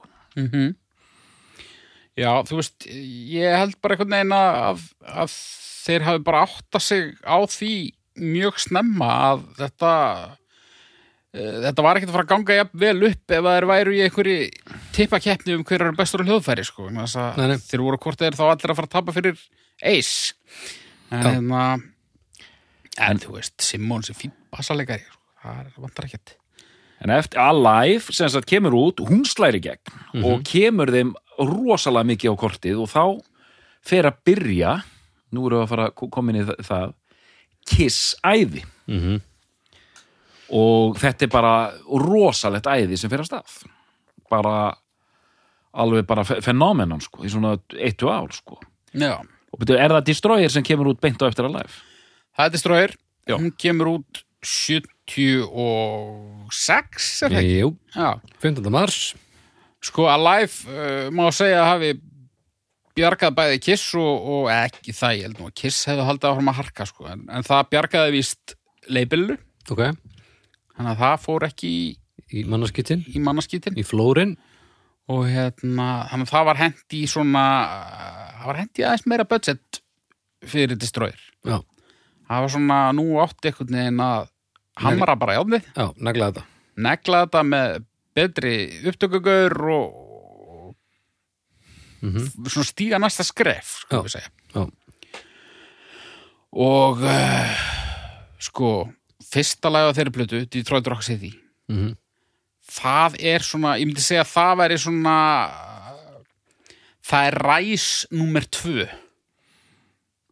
Er það, það er svona annað ræs já, já, já Ég, Já, já. ég ættu þess að Aræs nummer 2 já nei Nei. þar myndi ég segja að fæðist kiss, svona hinn klassíska kiss Já, þetta er, þetta er bara einhver tilfinning sko já, já, þarna einhvern veginn kemur soundið og Já. feelingurinn sem að ég hef alltaf tengt við þessa hljómsveit akkurat Já, skilji ótrúlegt lag og Já, soundið og feelingurinn og þetta leiðilega eins og hálfsmínútna intro hana á undarlæginu Svona Ljómar svo Meatloaf hérna. ekki verið að drulla yfir mýtlófi mínu þetta hérna Ég var ekki að drulla drulla okay. Meatloaf. Já, bara rólur Og, mun- og mun heldur ekki, og passa með að drulla ekki yfir Rio Trio heldur. hérna. Já, nei, ég bara, það, það eru nokkur hluti sem maður drullar ekki yfir Það er bara svo leiðis og sko ef að restin af Destroyer væri eitthvað í líkingu við opnunarlægið Já. það er nú frábær lög samt að Destroyer líka en Já, ég, ég- e, ef, ef, ef, ef að þessum gæðastandard ef hann hefði haldist út plötuna Já, þá væri þetta sko lang besta Já. kissplata en Skilja. hún er uh, svo ég vitni nú í, í, í kollega minn hér, hún er köpulótt mm, Já, hún er sko, það, þannig er mjög meðvitað verið að poppa þetta allt saman upp. já, Það er svona popgljáu á þessu öllu sko. uh Fyrstu þrjúlegin eru reynda frábær verður að viðkjörnast. Detroit Rock City sem kemur King of the Nighttime World Mhm. og hérna God of Thunder sem er svona einkennislag hérna The Demon Mhm. og síðan er ekki Beth er á þessari plötu. Beth er á þessar plötu Það lag er sungið af sem sumir uh, hafa viljað kalla og ég skil, ég skil það þau rauk bara mjög vel. Besti söngvarinn í Kiss, Peter Criss mm, sem er með svona ráma svona Rod Stewart rödd sko. já, Beth, I hear you calling But I can't come home right now já, þetta er Allt áfram, þetta er gott. Svona um þetta eh, melodramatíska strengja drastland undir þetta er dásamlegt sko Hvað, hvað er aftur meira í textin? Me and the boys are playing eða eitthvað Já, já. But we just can't find the sound Eitthvað few more hours eitthvað Já, já, Síðan tók, síðan söng hann Beth, what can I do? Bam, bam, bam, bam, bam. og ég- Vá, ég er að fá gæsa húð yfir eigin lélega flutningi á Þetta Beth. var, þetta var betur og helst Miklu betur og helst, greinlega Þetta var Þetta var Já, stórkotlega flutningur af Beth eh, Haukur, ég bara- ég verð að Nú klappa er þér ég rámur út þáttinn. Hann söng, eh, þeir sömdu lag sem eh, Rod Stewart átt að fá Já, já, já, já, já, já, já, já. Rólegur gæðingur, við geymum það. Ok, ekki, ekki, ekki gleyma því Nei, við erum að fara að tala svolítið um þá plötu líka, sko. Hérna, allavega hann er Beth og, og einhver svona, einmitt ég, ég, vil, ég vil kalla hann að köflóta líka En he- henni nú hans er oft stilt fram sem bestu plötu gís Já, mér finnst hún frábær, sko. Sjátt í dál lát er þarna Sáðu þetta lát. Þetta er frábært lag. Lifa, Og umslagið er þetta algjörlega geggjað sko. Og sko, það er, já umslæði, umslæði listaverk já, þetta kemur þetta leikvanga mörds element bara superheroes Minna, þeir gerðu blað með þarna Marvel mm. þarna er alltaf allt farið af stað sko. Já, já, já, sko, góðu lögin á þessari plötu eru ekki eðlilega góðu, sko. Nei, það er rétt það sem dregur hana niður er ekki það hvað síðri lögin séu ömurleg það er bara það að einhvern veginn, þú veist það eru bara nokkur lögna sem að eru bara ekkert góð Hún fekk alveg ævinn til að dóma það. Hún kemur út grunna. Ég, Það er búið að ég, nefna og ég myndi setja hann á topp þrjú. Ég var, ol- þú veist, ég var svona ég var fyrir mik, ja, miklu ég var fyrir vonbröðum þegar herðana, ég var alls ekki að tengja við þetta Sér svona undir restina þá voru lög eins og hérna, King of the Night World og God of Thunder, þetta var, var bara alltaf betra og betra í höstum á mér sko Ég er ekki mikill King of the Night and World maður. Nei. Ég verð að viðkjöna það. Mér finnst þess að sé einhver svona miðja í plötinu þar sem þetta svona dettur hans niður Já. Já, en allavega eftir þessa plötu, hún hefur þetta gjörsamlega slæri gegn og allt verið vittlust og hérna mörtsið og allt farið eh, af stað þá eru næstu tvær plötur þá taka þetta aldrei skref tilbaka að hérna fyrst kemur hérna er ekki hérna uh, rock'n'roll all over. rock and roll all over Rock'n'roll over. Er hún Og- ekki líka 76? Jú. og, og síðan kemur hann Love Gun sem er eh, með frábæru umslæði líka Mm. og mér finnst þessa plötur ég, ég hugsa alltaf um þessar tvær og hérna dre- hérna Dress to Kill og hérna svona, svona tvær stæður Já. svona, hérna Just kill or destroy. Nei, Nei, hérna Hotter sem- than hell og kiss. Hot and Hell og, og Dress to Kill Já, og síðan hérna eh, hérna rock'n'roll over og lókun. er- já, og Love Gun sem er þetta eru svona tvær stæður sem koma þetta er fyrsta platan auðvitað og Destroyer er fyrsta platan að einhver leiti hérna, þú veist, þar- þar sem er að vera eh, geggja stórir og síðan kemur tvisvar sinnum tveir svona plötur sem eru svona, svolítið svona bara hristar fram úr erminni en það sem ég elska við þessar tvær plötur eru, þær eru þetta er orðið meira svona lín þetta rockar vel en þetta er líka orðið svona fallega og spennandi cheap nánast það er komin svona lög eins og Plaster, Caster Það er orðin meiri klámhundar. Já, þetta er svona, það er, já, það er bara komið eitthvað svona, einhver, einhver svona drulla hana meira einn, sko. Mér finnst rock'n'roll o- all over uh, leiðilegt nafn á plötum maður. Jesus. Mér, finnst, mér finnst hún mjög skemmtileg. Já. Og hérna, fyrsta lagið, hvað er það aftur? Uh, fyrsta Hann lagi skrýtið lag. heitir hérna I want you. Já. I want you! Já, já, frábært, frábært lag. Hérna, Eh, svona, Gott rock, sko. já, svona, svona grúf Já. undur ekkur. Lag nummer tvö, það er Take me, Take Me, geggjað lag, call Eh, you dirty love. já. Þristurinn. fínt. Var hann að, The Call Me Dr. Love? Já, uh, Calling to the Love er þrið, um, Calling Dr. Love, calling Dr. Love, calling Dr. Love. Geggjað. Svo eru við með hérna Ladies Room, Baby Driver Ladies Room. frábært. En mjög einmitt. Þetta, ná, þetta fjallar er bara um einhverjar svona E, e, u- uppáferðir og, og, og einhverjar geðveikir. e, ef, ef að Kiss væri, væri James Bond Mm. þá væri við núna í suppulegasta Roger Moore tímabilið það sem þetta orðið bara fýblagangur Já, en sko svo eru við með hérna Hardluck Woman sem að Já. bremsaði nú af Já, með hérna. já. það er nú gott lag djúvillara gott lag Það er mjög gott lag. það er ævintýralega gott lag Það er frábært lag. og það er ævintýralega skrítið að það sé Kiss Já, einmitt, einmitt. Þetta er hljóma bara eins og Faces, hérna Já. Rod Stewart, sko. algjörlega og þú veist og það heyri svo rosa og þú veist ég vissi ekkit að þetta hefði verið sami fyrir Rod Stewart en það er svona 25 ár síðan ég heyrði þetta lag fyrst og hugsaði þetta lítur að vera Rod Stewart skilur, þetta, þetta er bara Rod Stewart mm. Hve- Hvernig var þetta aftur? ég held að Paul Stanley þetta lag Nei, hvernig er hljóma lagið? já If ever I met you Let a let see you cry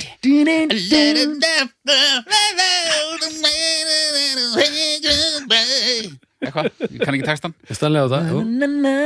og hérna Peter Criss með þessa rámu rott, rödd sína Já, og hérna ég, ég held að Paul Stanley eigi lagið já, og hann sem sagt og hann langaði svo semja fyrir aðra líka sko. já, já, já. hann vildi Kassa inn koma því á stúartýrið sko. Já, en ég held að veri leipilið sem sagði bara nei, þetta er geggja lag og bara geðu út sjálfur og hætti þessu kjátaði og þau Já. gerðu það já, og það var svona moderate hittari já.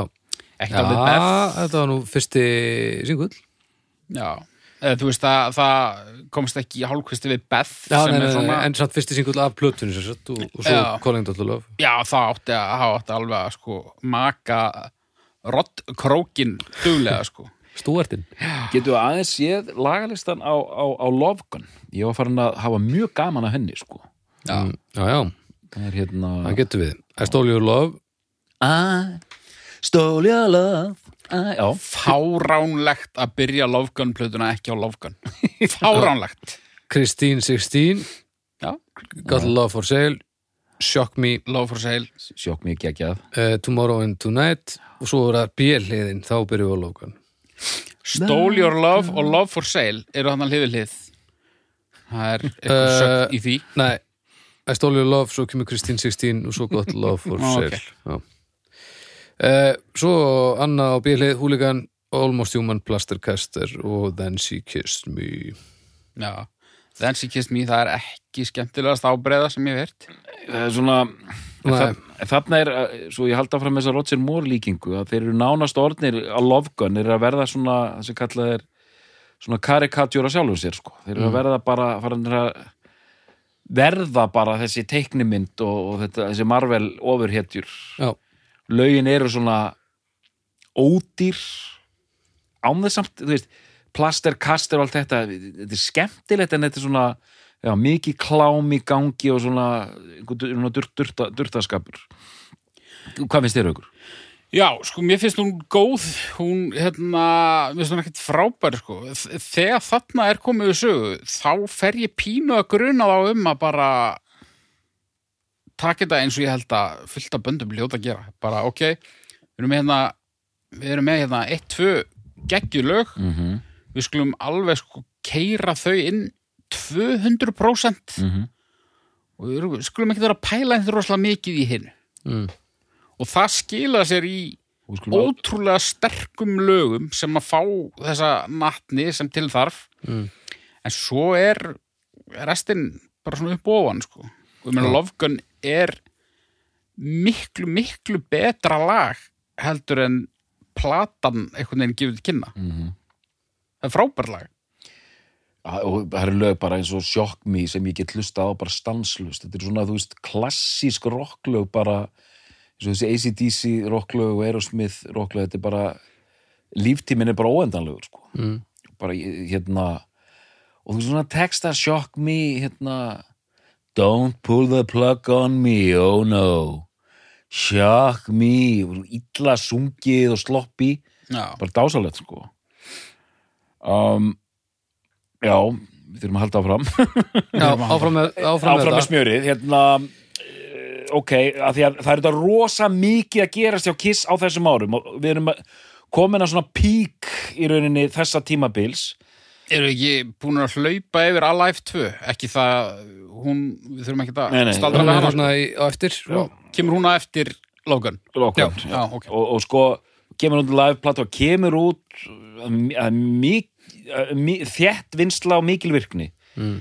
og þeir blóðum jólka þetta allt til anskota Já, greitist hitt plata þarna og, já, og það eru og plak svo byrja, svo byrja meltirnar af, af alvöru, myndi ég segja já, hérna, plakkut í öllum he- úlingaherbergjum bandaríkjana og bara svona þetta er í algjör, algjörum yfirgýr en þá þetta, þetta er 78 bíómyndin kemur út 78 það er einhver Marvel eh, tímar þetta eitthvað svona Mm. og nú eru þetta eðlilega byrjar að koma svona hérna Brestir brestir í, í, í þessa vél Eh, næsta plata svo ég bara höldu eh, bara gott að miða þessa plötur, það er Dynasty við verðum nú að staldra við eitt Já, sinn, við, sko. við verðum náttúrulega að koma við sko. sko, þegar það eru kon, komin brestir í hljómsveit þá er náttúrulega ekkert betra en að, að splitta böndum upp í smærri einingar eins og þeir ákvaða að gera þarna 78 Jöp þeir gáðu út fjóra sólóplötur Já, ég er búin að glemma þessu. Ó, já Á sama degi. Það er rosalegt Það er rosalegt múf Gekja, og við þurfum svo sem að geta að tala mikið um þær Það er- þetta eru náttúrulega ekki, ekki eiginlegar kissplötur en, en uh, hlustaður að þar Ég skimaði þar allar. Mm. Uh, platanans Ace Frehley er best. Já, er það ekki almennt bara viðurkend? Jú, hún er bara, hún er bara best, heilstift Já. rockar, bara flott flott væp mm Paul Stanley með fína plötu já, mjög kissleg en svona, jújú, jú, sleppur til Mm. Gene Simmons er svona að máta sig við einhverja sinfoníur og bítla og það kom, fór, hann er eins og langt frá því að vera svona dímon og hægt er já, en það er aldrei köplót sem Já, ég já. noti síðan er sko platan hans Peter Chris er bara hróði sko. kissi kiss, klikkaði kissi bara ha, hann klikkaði, hann var búin að nota öll, öll, öll lífin og bara, það var ekkert eftir þegar, þegar hérna og ha- ha- þarna vinur hann þessi þetta er kissi með kolpaug sko. já, hann er svo umkunna verður alltaf á svipin sko. þannig en þetta já, ísplatan er skemmtileg sko. bara gaman að þessu sko. já, ég staldraði nú ekki lengi við þetta ég tók, ar, ég tók hundavaðið á þetta skulum við segja er, er, þetta er, þetta er þetta ótrúleg hugmynd þetta er svo flott umslögin og hvernig þetta er útfært ég er bara að dýrka þetta já. en já, höldum, þetta hefði átt að vera viðvörunar merki, já, bjöllur já, Eh, 1979 og þá uh, kastaði ég boltanum til þín doktorinn, þú, doktor, þú varst etna, aðeins byrjaður að koma inn á já, þá kemur þessi plata Dynasty og það er verið að hérna bara líka eins og þeir eru að vera svona verið að reyna að halda sér hérna inn í leiknum mm, það er nú eitt frægasta lagkis hérna á Já. Smithfall Avenue Já. sem er með svona diskotakti undir mm -hmm, brúðkaups stomperinn Já og bara já.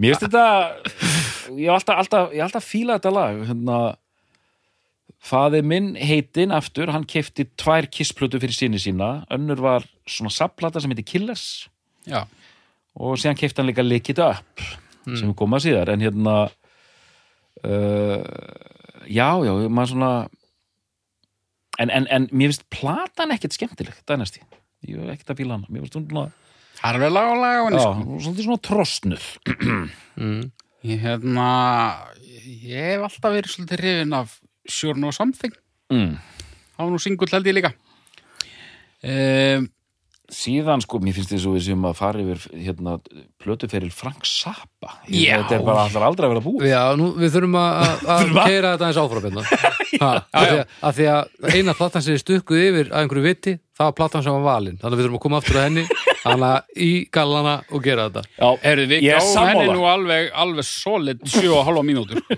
við áfram með, með smjúri er áfram sem eru, ok uh, 1980 þá kemur platan Unmasked Já. út En sko, við þurfum samt að koma inn á það að þarna, sko, Dynasty Mm. sem að er, hérna, hún kemur út hann í meðri diskobylgju það er hérna diskolag á henni mm Mhm. Þannig er Peter Criss bara eiginlega að valla með Já, einmitt, Hann Já. er bara orðin uh, það komin út í hot sko útkerður af, af uh, lífverni Já, að hún er bara meir og minna tróm- trómuð af einhverjum sessjón hann trómar eitt lag drjóla já, Já, og hérna uh, og svo er hann bara alveg sædlænaður á næstu plötu og eftir Mm. Eh, sem er, já, önmast já, og það sem hjál- hjálpar okkur hérna, svo ég hérna stappi okkur stálinu hérna uh, það er plötulega er nú ekki mikið að segja um, um, um, um restina sko, eða satt, það kemur að því sko Unmasked, 1980, ég veit ekkert hvað ég er að segja hún er mjög skrítin po- hérna uh, poppuð og, og, og förðuleg mér finnst hún algjört drast já, Hérna- mér finnst þetta fyrsta kissplatan sem er drast Já, hérna, bara ömulegt rast Einar Þór sagði við með að þetta væri einn af hans uppáhalskissplötum Já.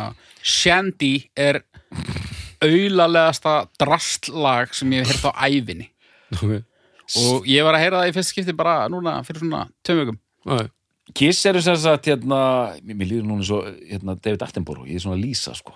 Kiss eru núna orðnir um, hérna, eru komin bara í sköpunulegt öngstræti og ákveða, og ég elska þetta árið 1981 kemur út plata sem heitir Music from the Elder mhm, sem er svona prog concept plata þetta er eiginlega svona tónlistin er einhvers konar rock pop og þetta hljómar svona eins og fyrir mér hljómar þetta bara eins og Genesis eða Yes eða eitthvað eða eitthvað svona þjóðlaga músík sko, eða svona eitthvað svona rittarasögur eða eitthvað mm.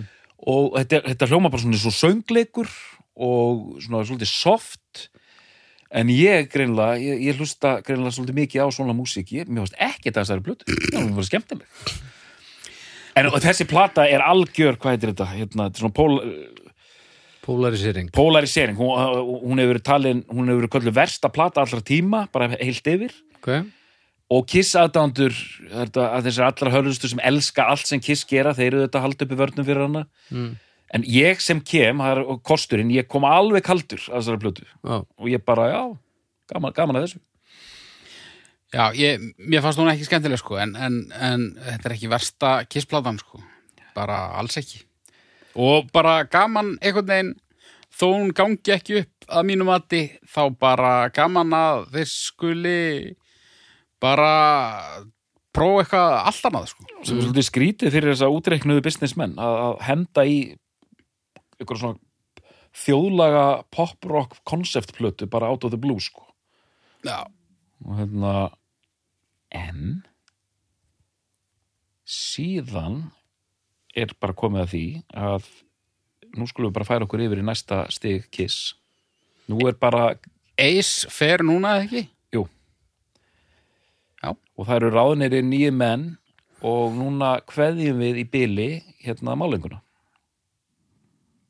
mm. Nei, Eh, byrju, það er einu nei, viðbót. nei, Nei, nei, það er það er einu viðbótt það er, það er hérna lekkit upp sko. Já. nei, nei, nei, Fyrst- það er platan á milli Fyrst er Creatures of the Night. Creatures Ah, of the Night, Já. þar eru Þar þeir eru- enn með málinguna Já. hvernig fannst þér hún? Okkur? Uh, mér fannst hún ágætt. Já. Mér fannst hún, þú veist, ekkert eitthvað, uh, hérna, ekkert eftirminnileg þannig lagað, sko, hún er, uh, hún er þingri. Já, er, á, á Creatures of the Night þar er meðalanslægið hérna hvað heitir það? Lát I love it loud I love it loud. I Love It Loud, það var, þetta var spilað í Skonorokk ég sá þetta í Skonorokki þegar ég var hérna, okay. þegar ég var átt ára Já, já, það var umtalað í hverfinu að Kiss hefði verið í Skonorokk já, já, og já. allt vitlaust Pó- Paul Stanley fór í Kottnís Nú, já, já, já, viljandi, já, já næs Bara yfir, yfir allt sviðið sko. Já, Ég er rosalega góður, finnst mér. Ég, ég, ég hef ekki marga linda hæfileika, en, en einn af lindu hæfileikum mínum hefur mér alltaf þótt það að ég er nokkuð góður í að heyra lag sem ég hef ekki heyrt áður Mm. og slumpa ár, á ártal. já, svona give or take eitt ár ok en það hefur gest kannski svona tíu sinnum yfir æfina að ég hef verið alveg way off Ok, og I Love It Loud með Kiss er eitt af þeim lögum ok, hversu vei of varstu? ég var svona, já þetta er svona eitthvað late 80s, þetta er svona 88, 89 eitthvað svoleiðis. Já, það er eitthvað svona það er bara 82 já, það er eitthvað svona eh, eitthvað hljómur í því sem að segir mér allavega alls ekki 1982 Nei, Uh, en, þú veist, hva- hvað heitir hann gítarleikarinn sem með, hann var Saint John eitthvað sem var með þeim bara á þessar plötu, var það ekki? Vinni Vincent Kemur hann ekki á leikata Hann upp? kemur Nei, á hann Leikit Upp. kemur þarna. Já. Já, ok. þannig komaðir hann að hérna, Vinni Vincent á, á gítar og uh, trommuleikarin hérna Erik Carr Já, uh, Eiki já, Beatles. Erikar og þeir fá svona nýjar, þeir fá málingu og alla græður sko en uh, það sem gerist á hérna Critics of the Night þar er verið að leggja blúprintið af 80s hard rock kiss, þeir eru að verða harðar í rauninni sko, þeir eru að verða svona MTV Svona glam. glam Já. rock og svona eru eh, sko, algjöru fyrir hennar af sko Poison og Guns N' Roses og allt þetta sko, Já, já, þeir eru já. bara að leggja línunar sko Þetta er svolítið svona, þú veist, mm, eh, þetta er náttúrulega fyrir Poison og það. Þetta er svona, þetta er svona solo ossi soundið. Já, finnst mér finnst það að byrja þarna og, og mér finnst það að halda sér líka yfir á næstu plötu svolítið Pick it up já, þeir fara ekki, jú, kannski í singlinum fara þeir eh, lengra í glamið en, en, en þetta er svona og, og Lick It Up var sko, miklu harðari heldur en með myndi Já. Þa- þetta er svona korter í þrass Já. á, á, á köflum sko. ég ætlaði að segja það og ég, þú veist, ég stóði þeirri trú að Creatures hún er nú oft nefnd sem þingsta platan já, hún og svo þannig Revenge já. En ég held að, ég held sveimi þá að líka þetta upptækja það, sko. það er alveg bara brjál, brjálaðir brjálaðir trukkarar þar sko mm. Ég held einhvern veginn kannski bara út af titilæginu að það væri þannig plata. Já, en já. hún er það eiginlega ekki, sko. Nei, Mér einmitt, finnst eh, Mér finnst þú góð. já, líkit upp og myndbandi það gefur ákveðið til kynna svona mötli krú element sko en hún er harðar, þetta er meira bara Fyrsta lagið, þungarokk sko fyrsta lagið á líka þetta upp er geðvikt. Exciter, Já. Brjálalag. Mhm. Mm. brjálukjærsla sko og þarna kritisjóttur nætt og leikit upp uh, ef ekki aðeins að hérna þarna er þetta, þetta skapalóni komið og síðan verða plötunar svona verri og verri sko í rauninni Já. En þeir keira samt svona á því sama bara. Já, þeir keira svolítið á því sama Það eftir eru- líkit upp kemur Animalize Já, eh, og þaðan slökum við okkur eh, yfir í Asylum, aha, Crazy Nights aha Hot in the Shade, Ah. Hot in the shade, þarna er þetta orðið verulega vond Revenge Já, við, við- við verðum að stoppa það. Hot in the shade Við erum að er það ekki stoppa lok- Hot já, in the Shade, jú. stop- Stoppum á Hot in the shade Þegar ég var að fara yfir allar þessar plötur þá voru að dettin lög sem ég var búin að gleyma Tears are falling Það er ekki gott lag. Nei, hvað var það? 87 eitthvað svo liðis E, það, nei. 85 Það er fyrr sko, er það ekki á Animalize, er það ekki 85? Jú. It is a falling now Oh no Hlægilegt myndband það sem að Paul Stanley er að svipla sér í einhverjum tarsankaðli Já, hvað heitir þetta að segja? Tears are falling Tears are falling Það er ekki á eh, Animalize, er það Asylum eða? Já, ætla og, og ekki. sko, það er ekki á Crazy Nights allavega og þeir eru allir í einhverju fjólubláum og, og neongrænum Jú, Það er á, hérna á, á Asylum Hvað er árið? eh, Árið er 85 85 þeir eru hann í fjólubláðum og neongrænum og gulum hérna bara, þeir eru bara, þeir lítu út eins og poison sko, bara glamma þeir alveg upp sko Já, en þetta lag fekk rosa spilun mann eftir því bara í útvarpinu hérna heima sko, já það var mjög mikið spilað í hérna í útvarpinu sko og já, Hot in the Shade er þarna eh, Mér langar bara að staldra við hann út af þessari balluðu sko veitir hvað var það? Forever hvernig var það aftur? sko, Forever með Kiss það er nú svona lag sem að svona mjög margir gallharðir Kiss menn og, og, og konur uh, svona talin ákveðin lágpunktur hérna, mm. Michael Bolton sem Já. eru lagið með, með Paul Stanley Já, og þeir eru svona þú veist, þeir, þeir eru svona uh, á reikugum sólardegi inn í ykkur mér langar að segja kirkju kannski er ég að rugla við eitthvað annað en þeir eru allavega, þú veist, sitja og eru svona uh, það myndband er rosalegt sko þetta er fallegt hvernig þú lýsir þessu en ef að einhver ætlar að halda því fram að forever sé lélegt lag þá er ég til í að mæta þeim einstaklingi bara með nefurum sko. já, já du nú við það er bara frábært lag það er yfirlýsing í beinni frábært lag ok Hvernig var þetta aftur? Ég er búin að gleyma þetta. Forever This is a better do, do, do, do, do. Já, já, já, já, þetta er,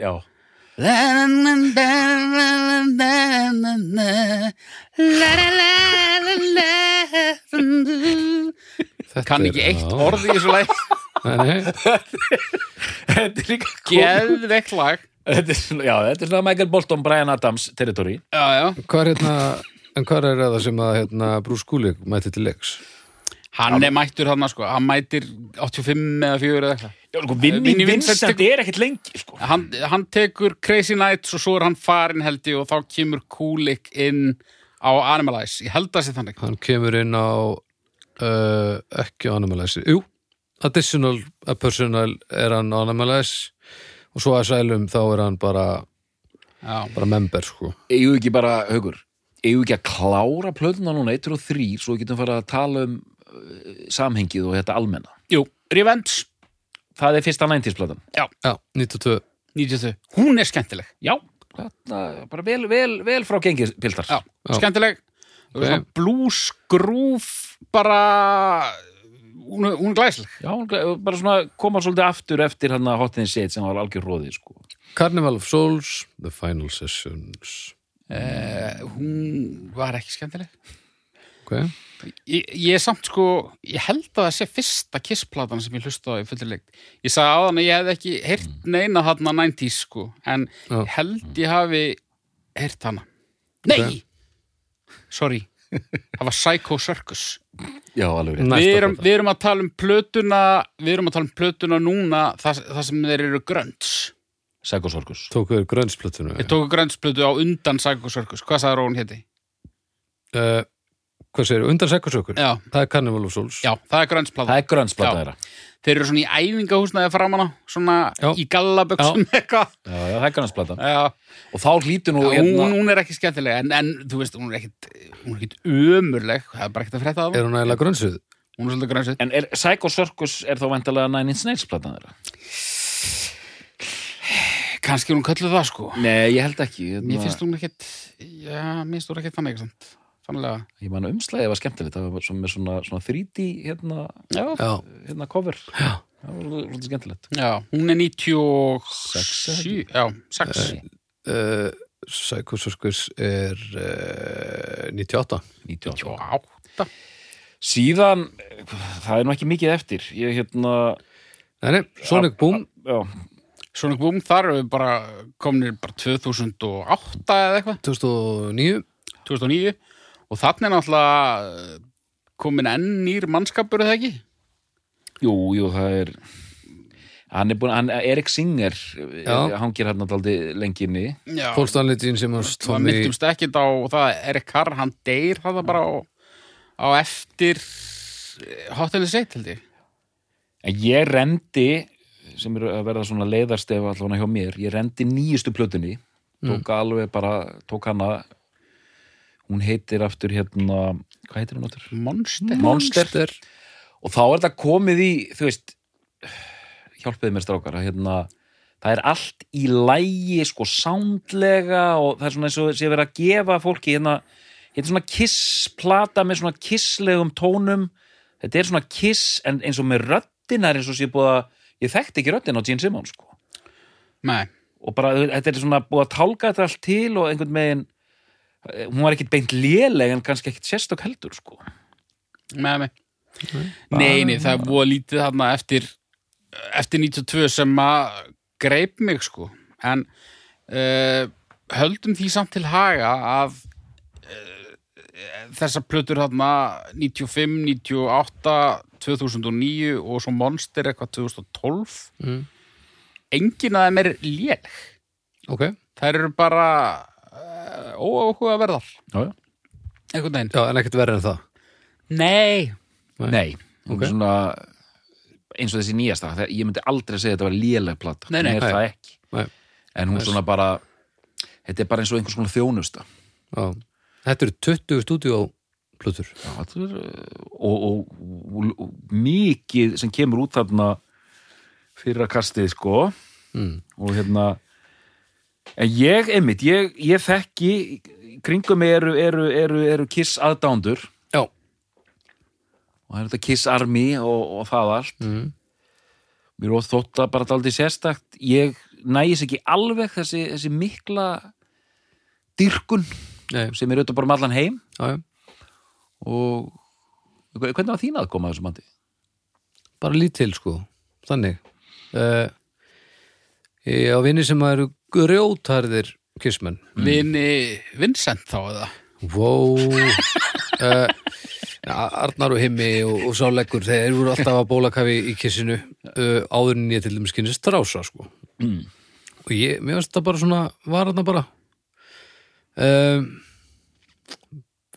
og mér finnst það hressandi og skemmtilegt sko, mjög hressandi og skemmtilegt en þetta, þegar ég byrjaði svona að hella mér út í músíkinni þá var það bara ekki alveg nú þungt sko. Nei, nei. ég var bara aðeins of setna á vagnin og það var ekki e, þú, það, svona þengjandi mér eldri til þess að koma mér á bragðið e, eins og svo margir á mínum aldri höfðu sko.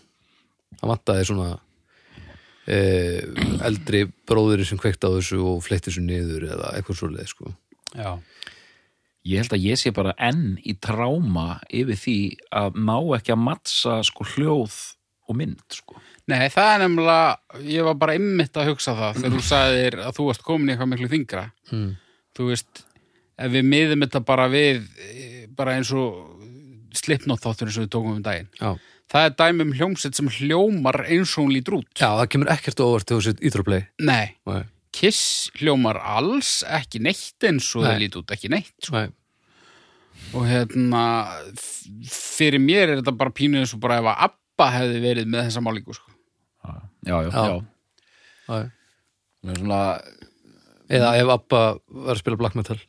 Já, og þeir auðvitað já, og þeir, og þeir keirðu greinilega svo mikið á ímynd og, og þeir, þeir voru einhvern veginn út um allt þetta var alveg bara í höstnum á, á un, ungun dreng sko Já, en aldrei heyrði ég músíkina F- fyrsta sem ég heyri er bara likkið upp og, og þetta, þetta 80s hérna, MTV þungarokk sko mm. já. og hérna en Já, þú veist, ég man ég, ég- sko, fyrsta skipti sem ég sá bara mynd af Kiss, það er rúglega ekkert sem hún í, þú veist þú veist, kringum 92 sko, þá er ég náttúrulega búin að heyra þessi 80s lög og ekki tvita með hvernig hverjum þetta er það er sko, þá er ég heima hjá einhverju frændfólki út í sveit og sonur þeirra var með Kiss-plakkat á vegnum sínum Mm. og, og mér fannst það þá borgar barninu, þetta var bara svona hljómsveit sem fólk sem býr í, út í sveit hlustar á. já, já. Ég var komin í, í þú veist, Metallica og, Já. og eitthvað, sko, það var alvöru þetta var bara svona eitthvað, já, já, þau eru alltaf aðeins á eftir í sveitinni, já, já. en það var hlusta á þetta kiss, Nákvæmlega. þetta er ekki þetta er ekki þungar okk, Nei. en samt að það ekki einu svona heyrt í þeim, sko, Já, það já. er bara svo hlægilegir Já, akkurat. en já, þeir spiluðu náttúrulega hér 87 þá væntanlega öðru hvort megin við þarna Crazy Nights mhm, sem var nú gríðalegur hittari þrátt fyrir að, að platan þykja ekki merkileg en það lag var svo stórt ég veit ekki ég, ég veit að, að títnefndur þráinn hann fór á þessa tónleika en, en svona fyrir fólk sem er ekki alveg að bóla kaf í þessu vitið þið hvernig, hvernig hefnuðust þessi tónleikar Gjöfum það? ég bara mannaði ekki sko ég, það er allavega engar það er mjög mikið talað um þessa Whitesnake tónleika sem, sem voru sko Mm. ég, ég heyri lítið um þessa kiss tónleika sko. 88 held ég er að verið heyri, lí- lí- heyri lítið af þessu sko mm. hérna, en ég líka hugsa um sko skrítið samt, ég hugsa þetta oft þú veist, ég, tengdafóreldrar mínir búa hérna upp á hérna, vassenda Mm. og, og þú veist, þeir eru að taka beiguna hérna upp ögur hvarfið eða hvað þetta heitir og ég Já. sé hérna reyðhöllina Já. og hugsa ég oft, vá, hérna bara þannig voru þeir, það er fáralegt Já. En hvað finnst ykkur um, ég hef alltaf heillast af, eða mér hefur alltaf þótt mjög merkilegt hvernig bandið er keirt eins og sko fyrirtæki og, og hvernig Paul og Gene eru alveg svona, það fer ekkert neitt sérstaklega gott orð af þeim sko, Nei. þó, þó þeir séu þetta bara, þú veist, þeir eru businessmenn í músík eins og svo margir sko. Já, en bara eins og uh, við komum aðeins inn á mördsið, þetta er nú eitt harkalasta tilfelli hljómsveitar mörd sem he- mannkyni hefur orðið fyrir. Já, já, alveg fullkomlega. já, uh, uh, og mjög ófórskammað sem gerir þetta náttúrulega að einhverju leiti heiðalegt en þetta er alveg svakalegt sko. vitið þið hvað gerist núna eftir tvo daga? Já, kannski ekki eftir tvo daga. Ég ætla að byrja jólaskreita eftir tvo daga, en ég kaupi kannski ekki jólatré strax. En þá fer kiss jólakúlan upp. Já, Já, sem að þú átt 50% í Já, sem að við en þú, þú myndi fengum aldrei fá afhenda samt. Nei, í skjólinættur þá afhendi ég mér hana bara við baldur við eigum saman kiss jólakúlu sem við fengum gefins ekki að það sé nú óforskamaðasta mört sem að kiss hefur alls ekki og ég Úst, er ef- endanlega yfir að efast um að hún sé Við offisjál gætum, gætum mjög glátt úst kiss flotgala og eitthvað Já. þetta er Já. allt til sko. Kiss, Tamburstar og allt þetta, þetta var allt keirt og þessi Kiss hérna Nestis Box og allt þetta sko og svona Mm. rosalegt bara svona dægur menningar fyrirbæri skilur, þetta er, þetta er hljómsveit en þetta er líka þetta, þetta er líka hitt þeir eruðu bara svona eins og starfa sko, þú getur keft kallana en líka starfa spotla og Já, allt þetta þú svona, þú kemur þessu út í allt sko Já, já. og b- þú veist, þú veist, þetta er alveg byrjun á þessu að koma þér inn á, á bóli og svona og þeim hefur lýst einmitt bara sem miklu snillingum hvað þetta var þar og mjög duglegir eða opnar Kiss kaffi einhvers staðar í Perú skilur þá eru Paul og og Gene mættir sko Já, já. var í góðum gýr sko Ég hef farið í Kiss Minigolf. Shit. Já, heyrðu, Ég fór í, í Los Angeles bara, ég held að þetta, þetta hlýtur bara að vera official. Þú getur ekkert verið með einhvern Kiss Minigolf. Nei, þá eru þeir mættir. þá eru þeir væntalega mættir. Já. Við fórum sem sagt í risastort svona inni Kiss Minigolf. Hvað voru marga brautir að skjóta upp tungun á honum? Bróður- Örla margar sko. bróður minn hérna hljónstinn hans hérna Brim, eh, Brim tónlistar hljónstinn hans Brim Já. þeir fóru til bandarækjana að spila á Baconháttið Já. og þá hituðu Minikiss upp Já. sem sagt, eh, hljómsveit sem er skipuð hérna hvaða orð má ég nota, nú þarf ég að fara að velja Já, voru þetta ekki svona eins og minipops? Var þetta, Já. var þetta fólk með hérna, starðar? það eru þessi dvergar, Já. Já. Ég veit ekki hvernig smávaksi fólk smávaksi fólk er að- að li- little people er talað um held ég á ennsku. Já. Ég veit ekkert hvernig þessu raga hefur heim. Já, ég flaskaði Allavega- ég flaskaði nefnilega á því, sko. Ég vissi ekki hvað íslenska orðið væri, sko. hljómsveitin var sem sagt, skipuð fullorðnu smávöksnu fólki eingungu og kalla sér Minikiss Já. þeir hituðu fyrir hérna Brim á, á Baconháttið í, í hérna Mall of America Eðlilega, bara myndi ég segja. æfintýri lífsins eru alveg ótrúlega sko Já. þannig að, eh, Kólistról og smá kiss. þannig að sko, Þetta já, er náttúrulega, þú segir Mall of America, þetta er náttúrulega ein bandarískasta hljómsveit sem er til. Mm. Getur við ekki verið samanlega það? jú og svona jú, algjörlega og, og, og, og, og þú veist, þessu bíklarnir hlóðu í bíómyndir Mm. þeir einhvern veginn, þú veist, þeir hlaði í bíómynd eh, jú, ég held að þessi rétt hefur sko, það er svona ég spá hvort að Ekki miklu samt svona fánastælar eða eitthvað svoleiði, sko. Nei, nei, ég meira bara að tala um bara svona hinn dæmigerða Kiss aðdáanda árið 1978. Mm. Hann er bara að drekka Pabst Blue Ribbon Mhm. og hann er bara með derhúfu Mhm. og í, hérna, hann er svona quarterback eða eitthvað rævill, já, Já. kannski frekar eitthvað rævill. Já, ég held að ræfillin hafi verið sterkur, sko. Já, þetta er svona, já og hann fer bara á Lovers Lane og þú veist og bara uh, rockar allan óttina og, Já. og partíjar allan daginn sko. Þú ert að tala um ákveð bóla element í bandinu já, bara svona Já, já, ég þessi meina- Mm. bandaríska Kissi bólaband. bara eh, þessi dazed and confused bandaríska stemning sko. Mm. sem náttúrulega, þú veist, bara á náttúrulega að gera bíómynd um þetta, bara Detroit Rock City Já, Nei, ég mitt held er hún hafi bara nelt þetta sko já. eða kannski bara haft rosalega mikil áhrif á það hvernig ég sé menninguna í kringum þessu löfrið Mm, já, ok. Nei, bara- og bara, þú veist, þið verða bara þið gera bara margt og mikið rétt, sko þeir eru með þess að skemmtilu ímynd og hérna þú veist, þeir eru með þess að plötur og einhvern veginn einhvern veginn, eh, sérstaklega bara í 70s, við halda þessu einhvern veginn og hérna, sko og bara gaman má, má hafa gaman ég er að spá, þú veist, er litið niður á svo hljómsveit Nei, það held ég ekki. Ég, ég held að þetta sé bara svo ófórskamað það sem þetta er. Það var ekkert verið að fela N- Nei, nei, þá langaði í pening og þá langaði til að vera eiginlega frægir Já. og þekktir og þeim vera eh, svona stundum eiginlega sama hvernig það gerist. Þú veist, ég held að ef þú gerir kiss þráð í þrumur í þókunni grúppunu á Facebook það verður ekkit jafn mikið tala þar og, og ef þú setur inn eitthvað hérna, sepadó þráð já en ég, ég held samt sko það, ég held að sé alveg ólíklegast af fólk sem fílar kiss sko. Líka fólk, það eru svo margir sem eru á bólakafi. Já, já. Þeir sem fatta þetta, verðast fatta þetta bara allaleið. Já.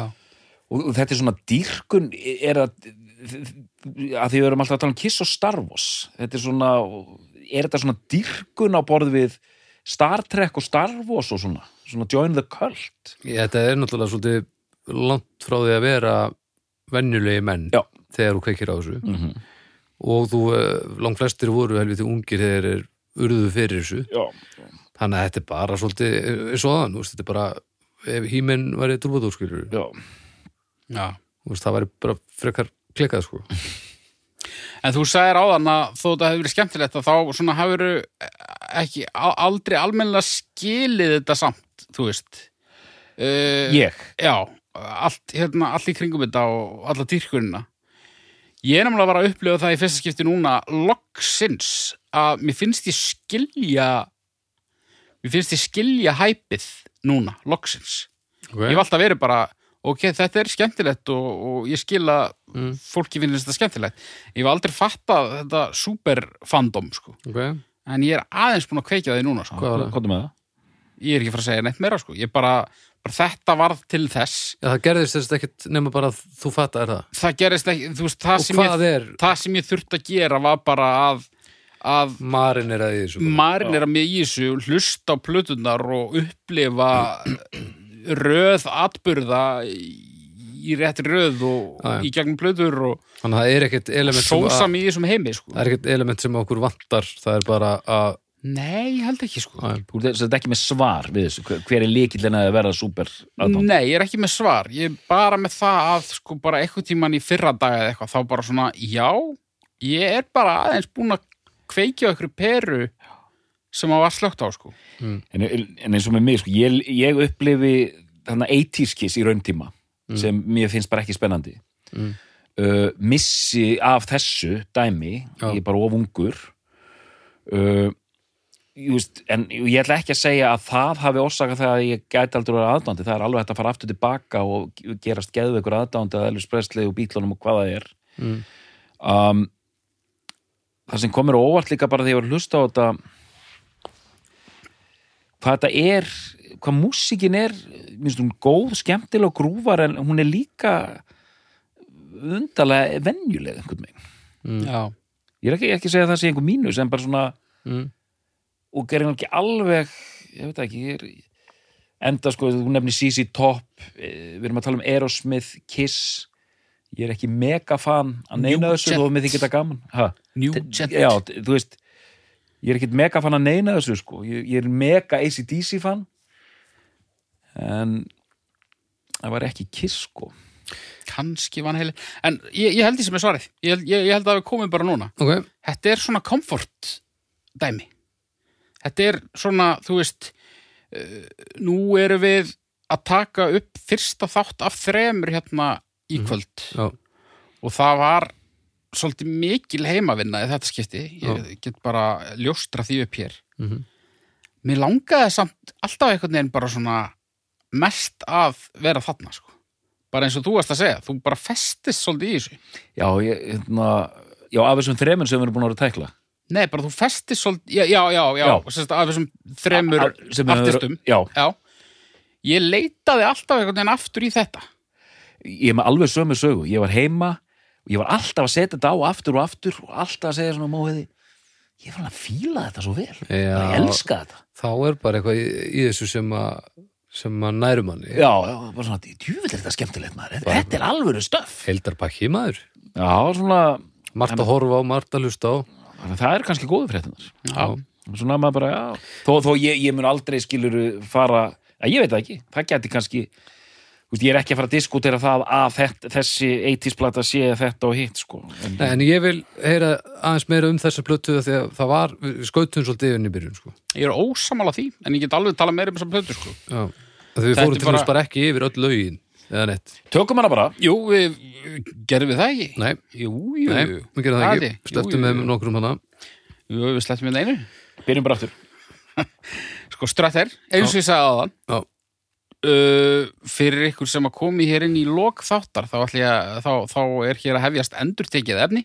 Alls ekki. Uh, Stratter, uh, bara eh, gegn geggjað lag Já. Ge geggjaður startpunktur á þessu öllu Já, mjög flott, svona easy og sleazy lag þetta er bara svona Mm. já, já, Já. frábært og þú veist, þarna eru þeir ekki alveg farnir að hljóma eins og svona stereotypu kiss nei, en lögin samt eru þannig að þau skera sér ekkit úr live set lista til nei, þess nei, nei, þetta nei. fyttar fullkomlega inn í þar Þannig að þetta er Öll þessi lög. performance-væsin ekki, já, þetta Ekki er bara hráefnis í svona rauninni. áherslu sound, eitthvað en það er líka að tala um að hérna sko að- að þeir eru að tala um að þetta hafi allt tekið frá sko upptöku byrjun og þangur til að búa að, að mixa að veit ekki hvað þrjár vikur Sum, og einhver segir að það veit ekki 13 daga sko. Já, þannig að en, þetta er bara kert í gegn en þú veist, þeir gerðu ekki plötu sex mánuðum á undan þessari Nei, og vissulega ekki. byrjuðu með hreint borð Nei, eh. skilurðu. nei, nei. Ég held að þar liggi munurinn svolítið. Já, já, já, Þú já, veist, já, Þeir voru búin að æfa þessi lög og slípa Mhm. þau svolítið til. Já. já, já, þú já. veist. Þeir eru einmitt, þetta- þeir munu örgir á þessu sko Já. Hvað er næst? Nothing to lose já, mér finnst Nothing to Lose skemmtilegt sko, ég myndi ég er aldrei að fara og neina lista hjá mér sko, mér finnst það skemmtilegt samt mm. Eh, svona, mér finnst pínu pínu býtla hérna. Já, já, no, girl, nothing to lose já, já þetta, þetta er alveg magnað það, það er alveg, þetta er bílist líka sé hérna Þetta auðla var svo alls ekki endur tekið efni til dæmis Þetta var mjög gott auðla McCartney Já. höfuð hristingurinn Hristingurinn okay. Færa ás færa ás Ég, er, ég fíla það, ég fíla Færos Mér Já. er svo flott, svo flott lag ég sagði á þannig að ég vissi ekki hvort ég fílaði það eh, jú, ég veit að ég fílaði það, en ég veit ekki hvort það er gott lag eða drasl, Já. Eh. en ég fílaði það mjög vel það er, það er, það er gæjalegt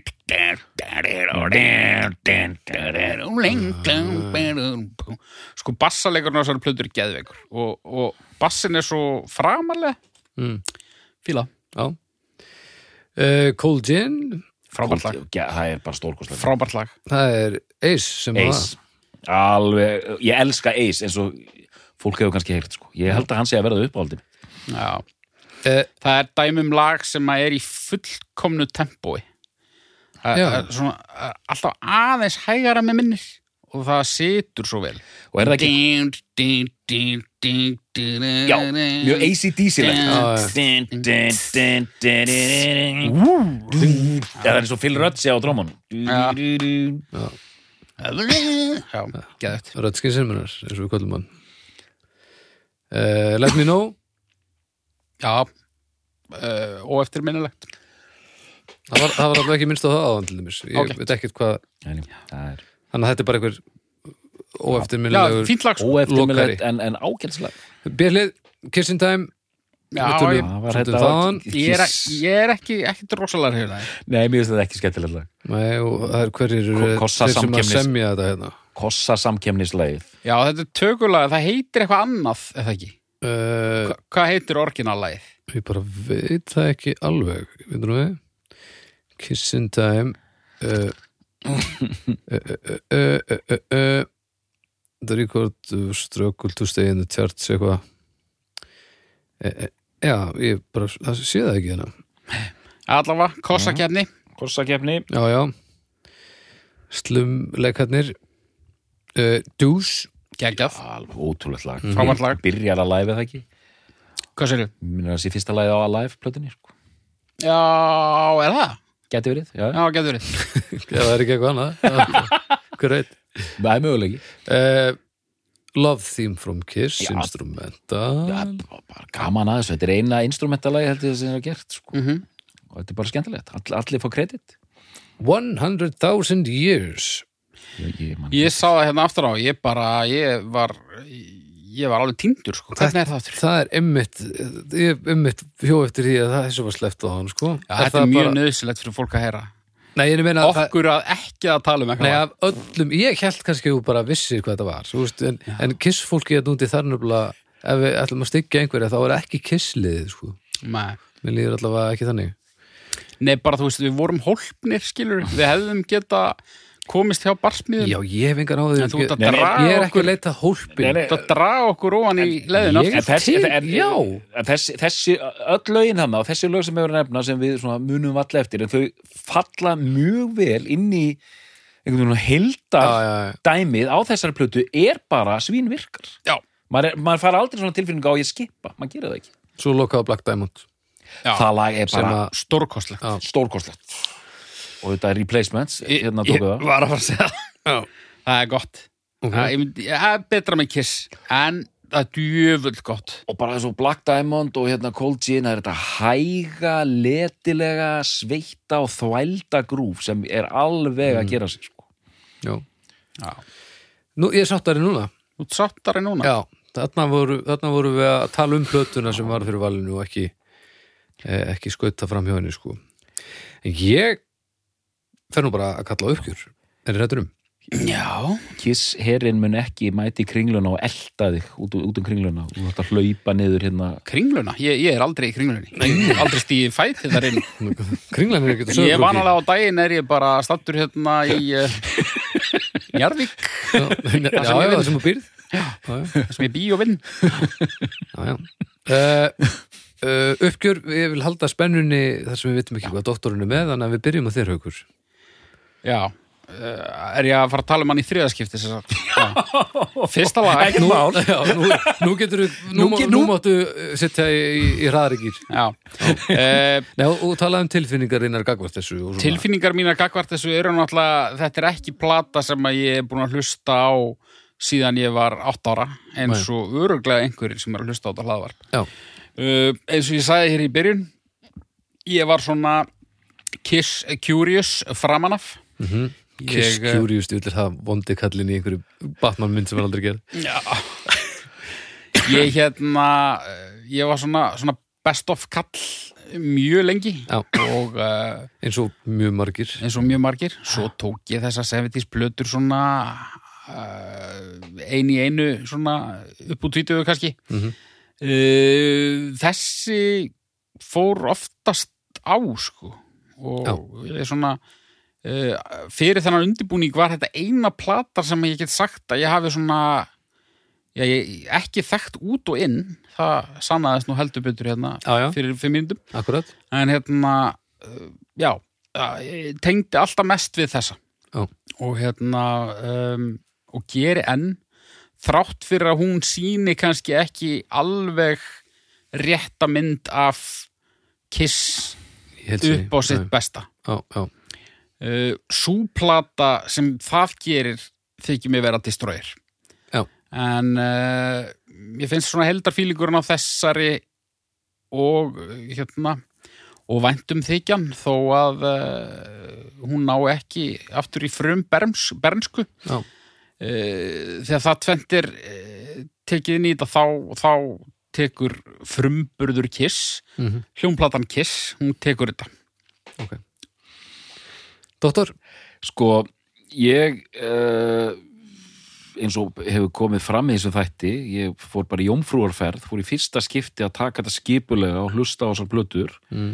70's Kiss hérna heillaði mig strax mest og ég man þegar ég hugsaði bara sko, já, fyrsta kissplattan þá hljótaði svona að vera að hérna, setja í gang og svona þessar, þetta hljóta að vera og ég hugsaði, það hlýtur að vera distróir, það er alltaf talandi distróir held að ég myndi enda þar, síðan bara fer maður að hlusta og ég var í mestu vandræðum lengi vel sko, því að ég var með þessa plötu í, í, í hérna, í menginu mm.